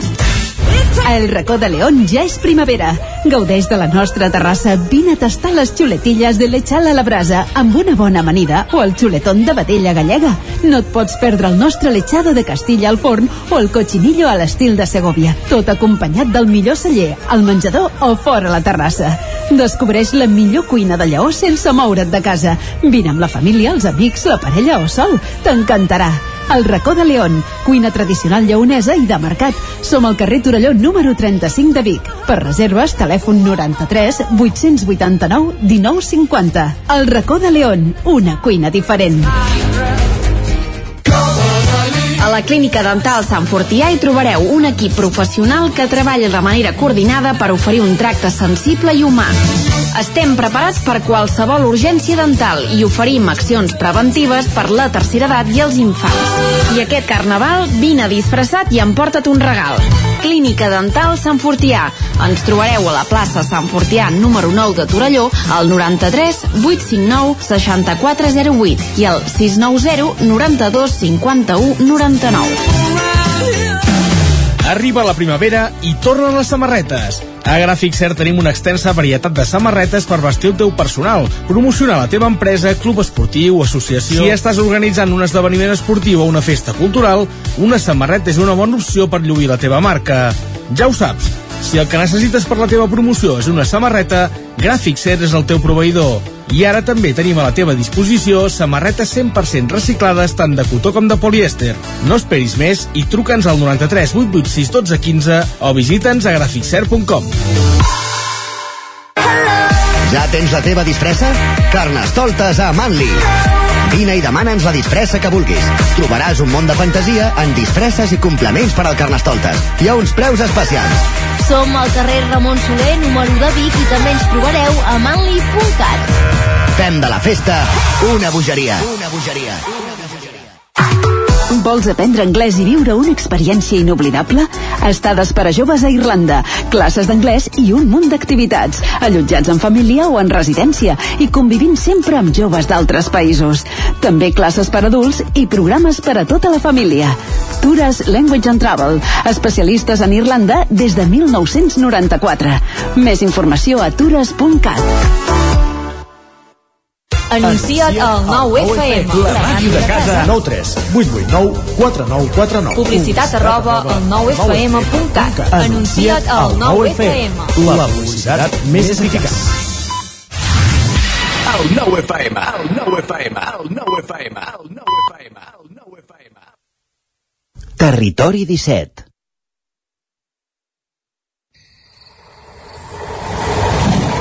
A Tren d'Alba. Cada dia els usuaris de la línia R3 de Rodalies que veuen sortir el sol des d'un vagó ens expliquen les gràcies i les penes del primer comboi que uneix Ripoll i Barcelona.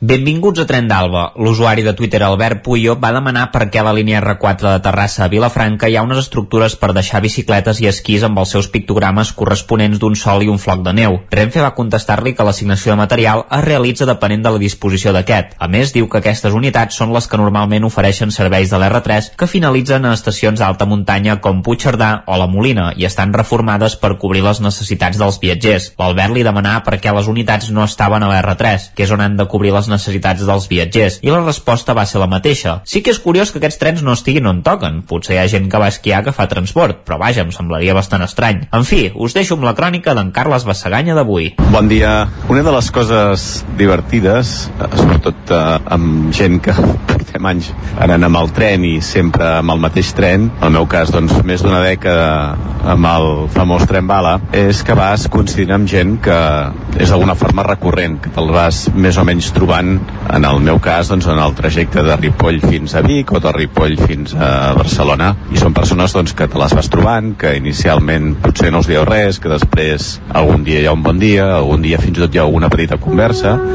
però que moltes vegades no passa d'aquí.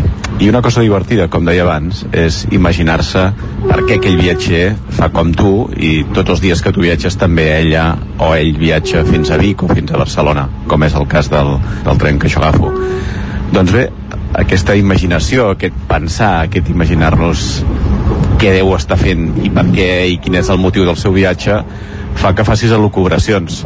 Però algun dia pot passar, com m'ha passat avui, que finalment, després de molts anys, li demanis a aquella persona, aquella viatgera, en aquest cas, de Ripoll, què fa, o que, en el seu cas, per l'edat, m'imaginava que era un estudiant de la Universitat de Vic, doncs, què estudia, no? I bé, eh, tot allò que et havies arribat a imaginar i que d'alguna forma suposaves, des de això, des de la invenció, es confirma quan li demanes. Avui he tingut la grata sorpresa i molt positiva de que aquella persona que fa anys que viatja de Ripoll a Vic i que l'he anat veient, doncs ja està fent pràctiques del grau de magisteri educació infantil en anglès, infantil i primària. Per tant, una futura nova professora capacitada per fer l'aprenentatge en l'idioma anglès. Per tant, avui, aquells petits misteris dels nostres viatgers del tren bala n'hem descobert un altre més i estic molt content perquè n'estic convençut que serà un, una gran mestra.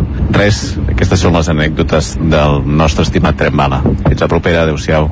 Sí, realment, quan veus una persona cada dia al tren, tens la inquietud de saber on va, què fa. És possible que aquesta noia que has conegut, al ser jove, la pogués delatar la carpeta de l'Ubic en alguna ocasió. Esperem que amb els anys sigui una gran mestra. Va, ens retrobem demà amb més històries del tren i de la R3. Territori, Territori 17. 17. Territori 17.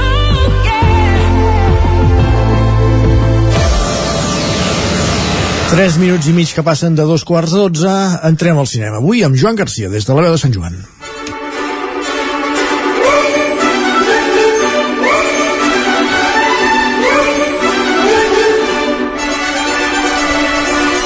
Una setmana més amb aquesta sintonia, moment de parlar de cinema a la veu de Sant Joan i el territori 17 uh, i ara doncs sempre dic allò de com sempre amb en Gerard Fosses però avui no el tenim amb nosaltres perquè està malalt, no sabem si s'està recuperant d'una sessió non-stop de cinema francès d'humor que ja sabeu que, que li agrada molt. En tot cas avui farem un repàs ràpid a la cartellera començant per Malnacidos o Malnazidos de, amb la zeta de nazi Giro a la derecha, soldado. Vamos a atajar por el valle. ¿Está usted seguro, mi capitán? Eso es tela de nadie. Tranquilo, chaval. Te prometo que no nos va a pasar nada. ¿Y ahora qué? Mira tú por dónde. Que veníamos a cazar una pava y nos hemos topado con todo un capitán facha. Joder, quita, coño.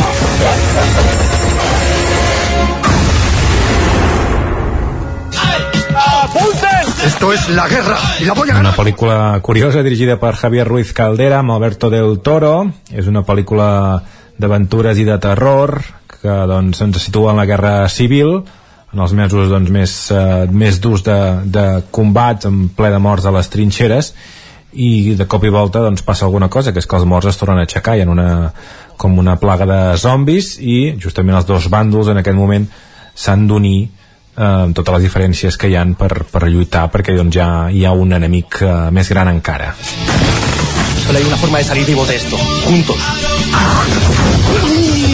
¿Cómo has dado? Esto no cambia nada, facha. Està protagonitzada per Miki Esparvé, Aura Garrido, Luis Callejo, Álvaro Cervantes, Jesús Carroza, María Boto, Sergio Torrico i Francisco Reyes. Aquesta pel·lícula la podreu veure al Sucre de Vic i també a l'Ocine de Granulles. Seguim amb una pel·lícula que segurament coneixereu, Escape Room. Poneos cómodos y disfrutad de la sesión. Mi nombre es Doctor Mengele y trabajo para las SS. Solo tenéis una hora para salir de aquí. Si no lo lográis, os echaré a los tejos. Però aquest tio és molt dolent. Bueno, és del que es tracta, crear una mica d'inquietud al jugador. Intens, que això ja ha començat, tios. I ties, i ties. Ja sentiu la veu d'en Joel Joan, també la de l'Ivan Massaguer, Paula Vives, Mònica Pérez i Ferran Carvajal, és Escape Room, aquesta pel·lícula dirigida per Héctor Claramunt. Die vol dir dia, això segur. Segur, perquè en anglès vol dir morir. i és una comèdia que com bé podeu veure doncs, eh, agrupa un grup de- d'amics un, un parell de parelles eh, doncs, que es veuen doncs, eh, tancades en aquest, un escape room que sembla un joc però al final sembla que no ho és tant tampoc Que això vol dir que tenim un problema, un problema majúscul. Una sortida d'aquí. Les escape no acostumen a estar tan personalitzades.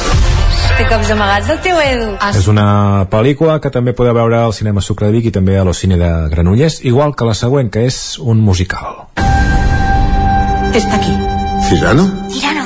Cirano. Un placer, Cirano de Bergerac. Sois deforme. Deforme.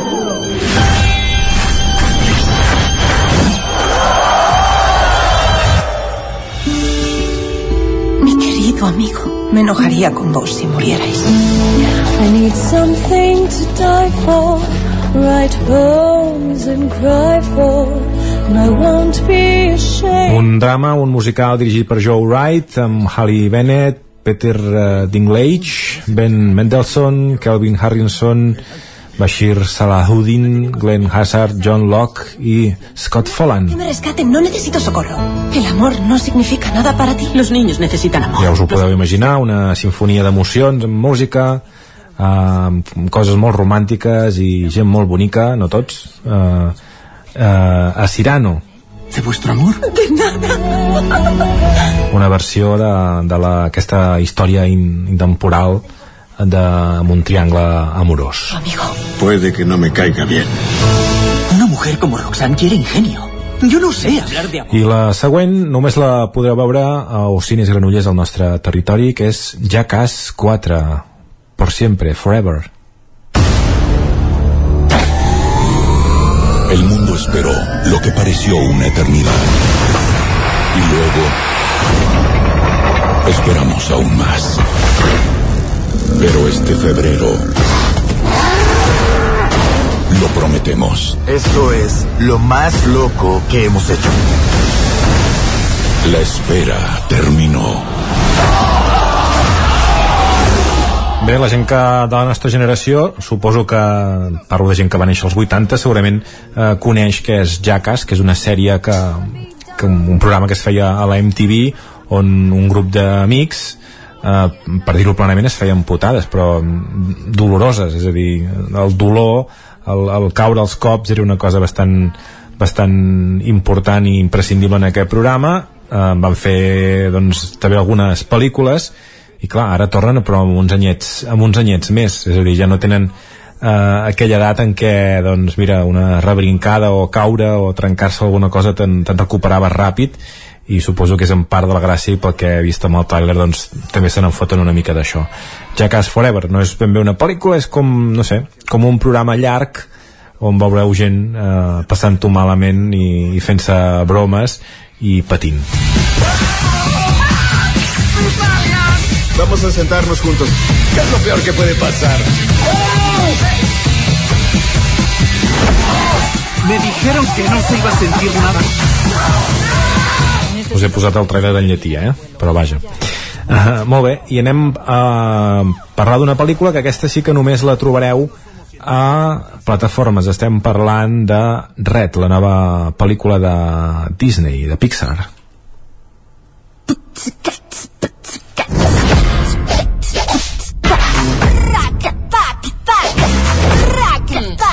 Vamos.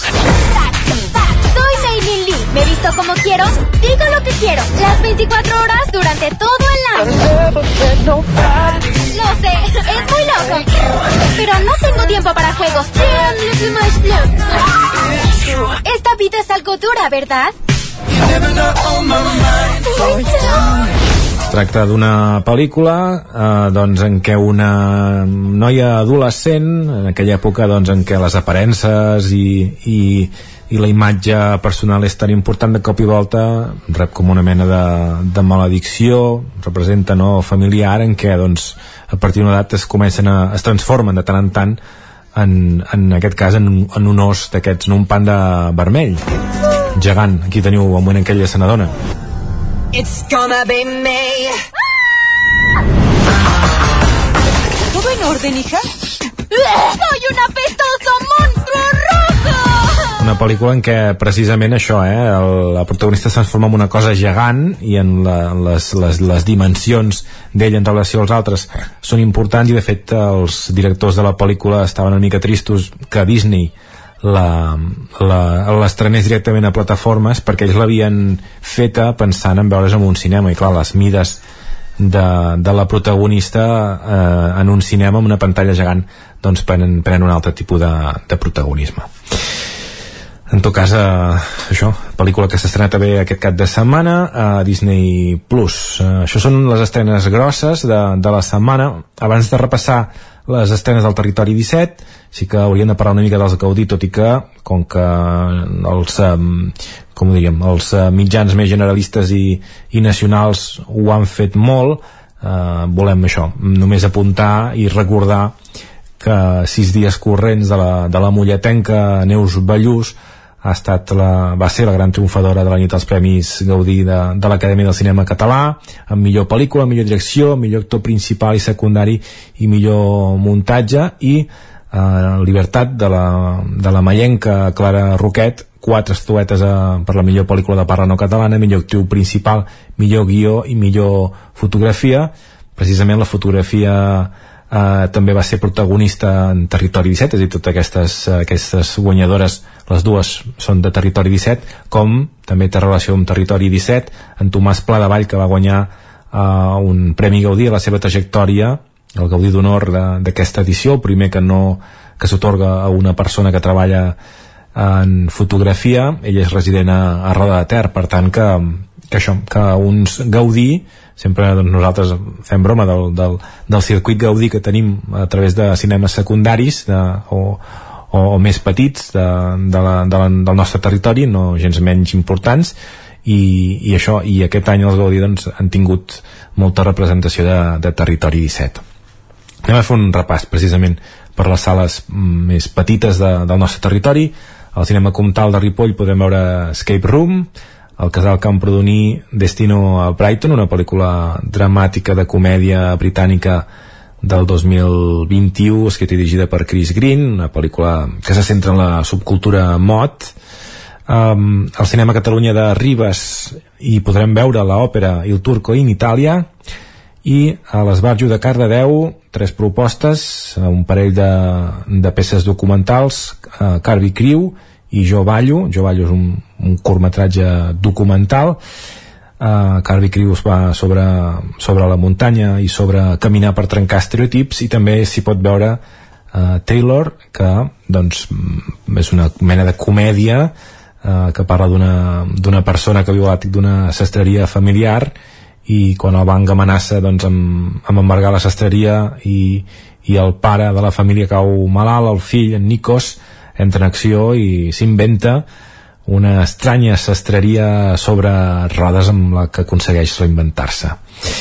I per acabar, el Cineclub de Vic, ja estem parlant de la setmana que ve, recordeu que les estrenes són els dimarts, per tant que doncs, quan hem de parlar nosaltres hem de parlar de molt enllà, més enllà del cap de setmana, la propera sessió serà el dia 15, amb Espíritu Sagrado, de Chema García Ibarra, una pel·lícula de l'any 2021.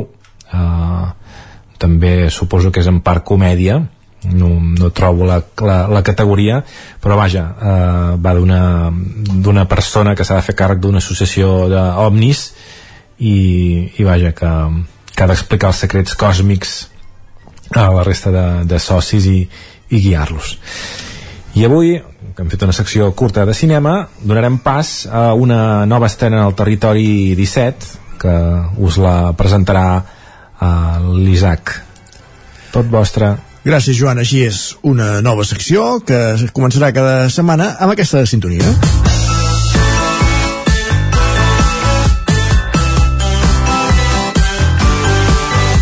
Una secció, una tertúlia mm, lligada d'alguna manera amb el cinema per parlar de, de sèries, de sèries que veiem a les plataformes, de sèries actuals o de sèries passades que comenten els nostres membres de l'equip habituals com són l'Isaac Muntades, l'Òscar Muñoz i la Caral Campàs aquí saludem a tots tres, benvinguts, bon dia de nou Bon dia de nou. Bon dia.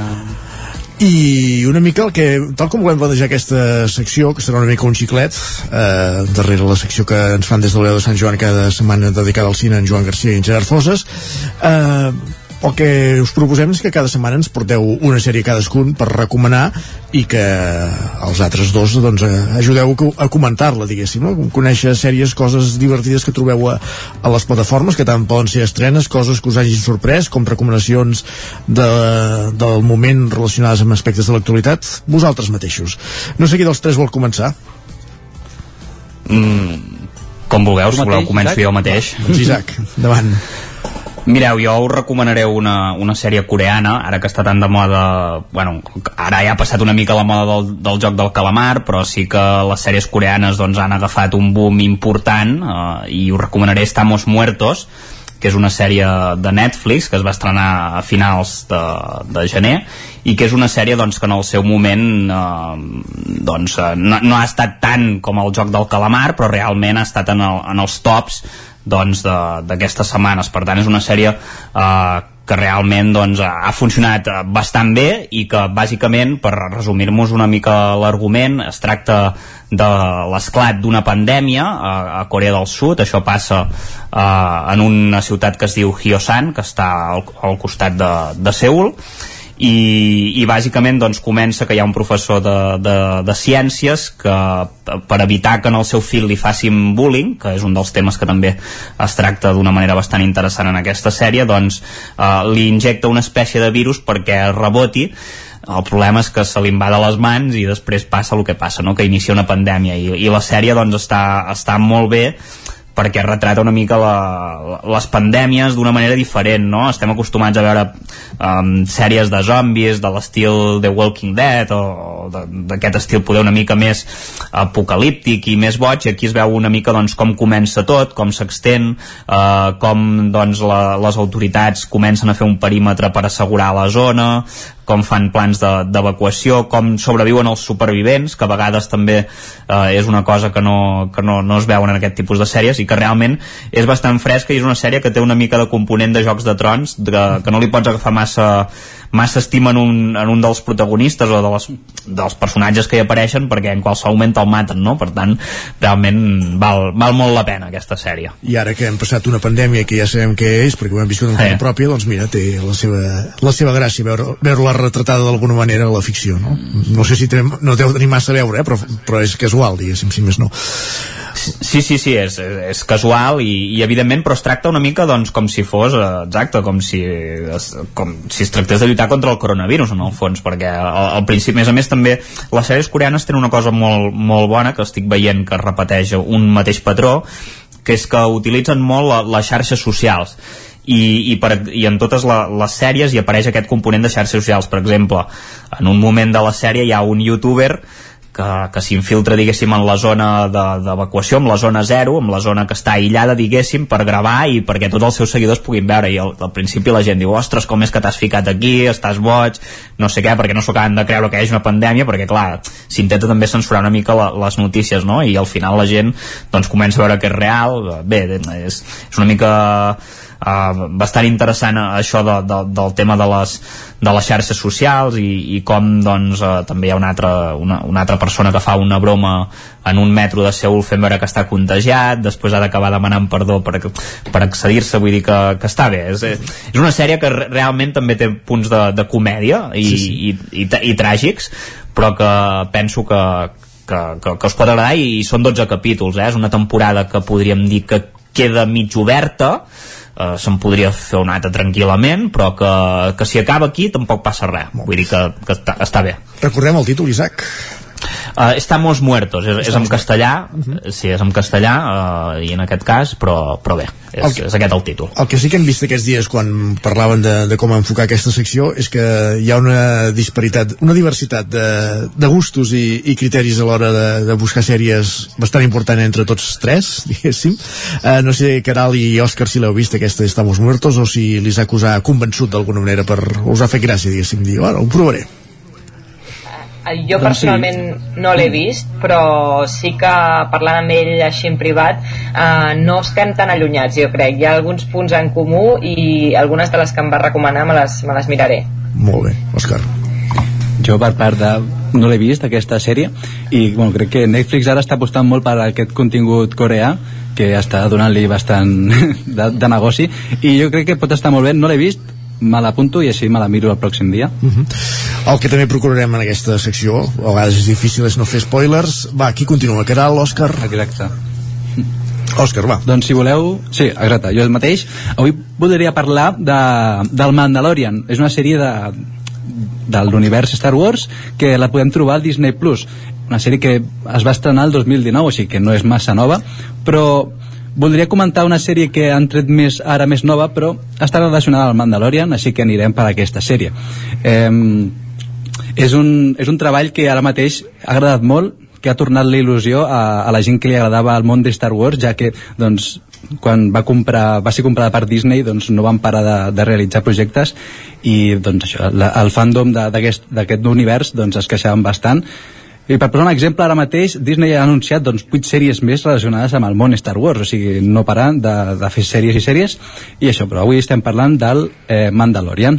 Molt bé. Una sèrie de, de Lucasfilm que, això, com hem comentat, ha tornat l'esperit real de Star Wars que s'havia perdut i això, ja que Disney sembla que aquí va donar eh, ample de banda perquè poguessin realitzar un projecte que ells volguessin i menys, podríem dir-ho, chill-friendly. Eh, aquesta sèrie es desenvolupa després de la caiguda de l'imperi i abans de l'aparició de, de la primera ordre. Així que a la sèrie segueix els passos del Mando que és el personatge principal un caçador de recompenses que pertany a una legendària tribu dels Mandalorians. Per dir-ho així d'alguna manera els Mandalorians eh, tenen sempre un casc eh, al cap que no se'l poden treure ja per coses d'aquestes tribus Destacar d'aquesta sèrie l'art gràfic, ja que aquesta sèrie és brutal, eh, fa un ús de la tecnologia Stagecraft, que va ser creada per ILM, Industrial Light Magic, que va ser l'empresa creada per Josh Lucas, així que ja, ja farà uns anys, i això, i és capaç de projectar entorns virtuals al voltant dels actors és, eh, a part de, de crear aquesta tecnologia doncs és un avanç molt important per, pel món del cinema ja que també es poden estalviar certs diners en creant aquests eh, entorns virtuals. I, això vaig estar parlant amb, amb un fan de Star Wars i, i em va comentar que, això, que li sembla molt bon retorns, eh, molt bon retorn de, de saga, una història que demostra que l'univers és molt explorable i que encara poden treure molt de profit eh, d'aquestes sèries, d'aquestes trames. I això, eh, aquesta sèrie crea una història però també enllaça amb coses que ja coneixíem, que això també està agradant molt de veure coses noves i també saber coses que no sabíem. I doncs això doncs, eh, guanya molt un western a l'espai podríem dir-ho de l'univers de Star Wars està clar que o se n'és o no se n'és. Eh, no sé, Caral i Isaac si en sou vosaltres? Que, que comenci la Caral. tu força dius? Eh, Sí, o sigui, jo m'he mirat totes les pel·lis de Star Wars i jo recordo de petita fins i tot veure-les amb VHS uh, i sí que sóc força fan tot i que eh, et puc dir que amb la gent amb qui visc que comparteixo casa són encara més fans i ells sí que han vist aquesta sèrie de la que parla l'Òscar i jo no Vale. Per tant, pot ser que la vegis en qualsevol moment, eh, diguéssim, també. Sí, sí, sí, això segur Molt bé. Isaac. És una sèrie que també es Ai, pot veure perdona, Òscar, sense... Bueno, comentar que és una sèrie que es pot veure sense saber masses coses de la, de la història principal de les pel·lícules clàssiques de Star Wars. O sigui, la pots veure això un diumenge a la tarda i sense saber de res i et pot enganxar. Clar, jo en, en el meu cas no sóc gaire fan de, de Star Wars, ho he, ho he de reconèixer. A mi, eh, sobre, sobre de l'univers, eh, bàsicament, aquesta sèrie també és, és com un spin-off, més, més o menys, per entendre'ns, per, per el, que jo, el que jo sé. I jo també em vaig quedar molt en, la, en, les, en les pel·lícules, eh, les tres primeres de Star Wars, el que seria per ordre cronològic l'episodi 1, 2 i 3, i, i com a molt també vaig veure un spin-off uh, que va sortir, que em sembla que es deia Rock One en, en el seu moment, que poder és el que m'agrada més de Star Wars de les antigues no sóc gaire fan i llavors aquest univers uh, em sembla que s'acosta molt a lo que serien les tres últimes no? si no estic equivocat Òscar llavors no sé, um, jo, jo no, no crec que me la miri més que res perquè no sóc gaire fan de Star Wars però, però bueno tu, he de ser sincer eh? No, no, i tant, d'això es tracta. Caral, tenim dos minuts per última, una última recomanació. Sí, molt ràpid. Jo us volia recomanar Years and Years, que és una sèrie que va sortir al juny del 2019 i fa una mica de por perquè parla d'un futur distòpic, són, és una minissèrie que són sis capítols eh, i parla de, del procés de, del món en general del 2019 al 2023 i es fixa, els protagonistes són una família britànica i deia que fa una mica de por perquè bé, jo quan la vaig veure me la va recomanar a la cap de comunicació de la Fundació Pretarrés que era on jo estava treballant i ella ens va comentar que li feia molta por aquesta sèrie perquè tot el que hi passava s'estava complint. Clar, no estem al, al 2023 estem al 2022 um, però mira, us posaré alguns exemples.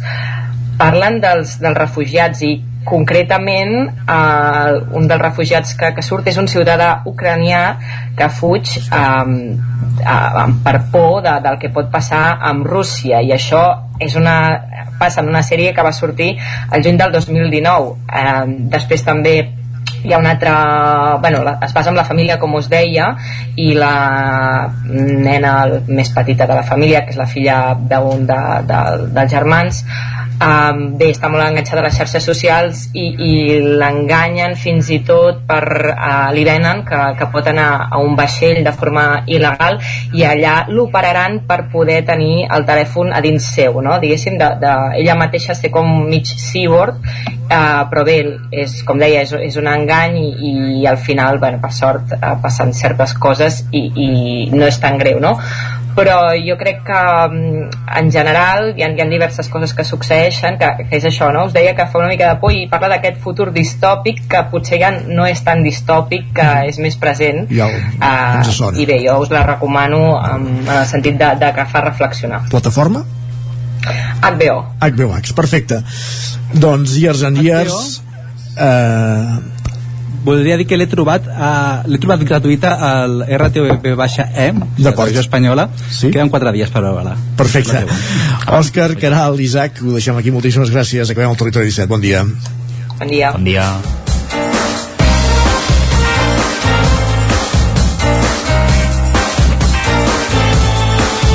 Territori 17, un magazín del nou FM. La veu de Sant Joan, Ona Codinenca i Ràdio Cardedeu amb el suport de la xarxa. Fins demà, bon dijous. El nou FM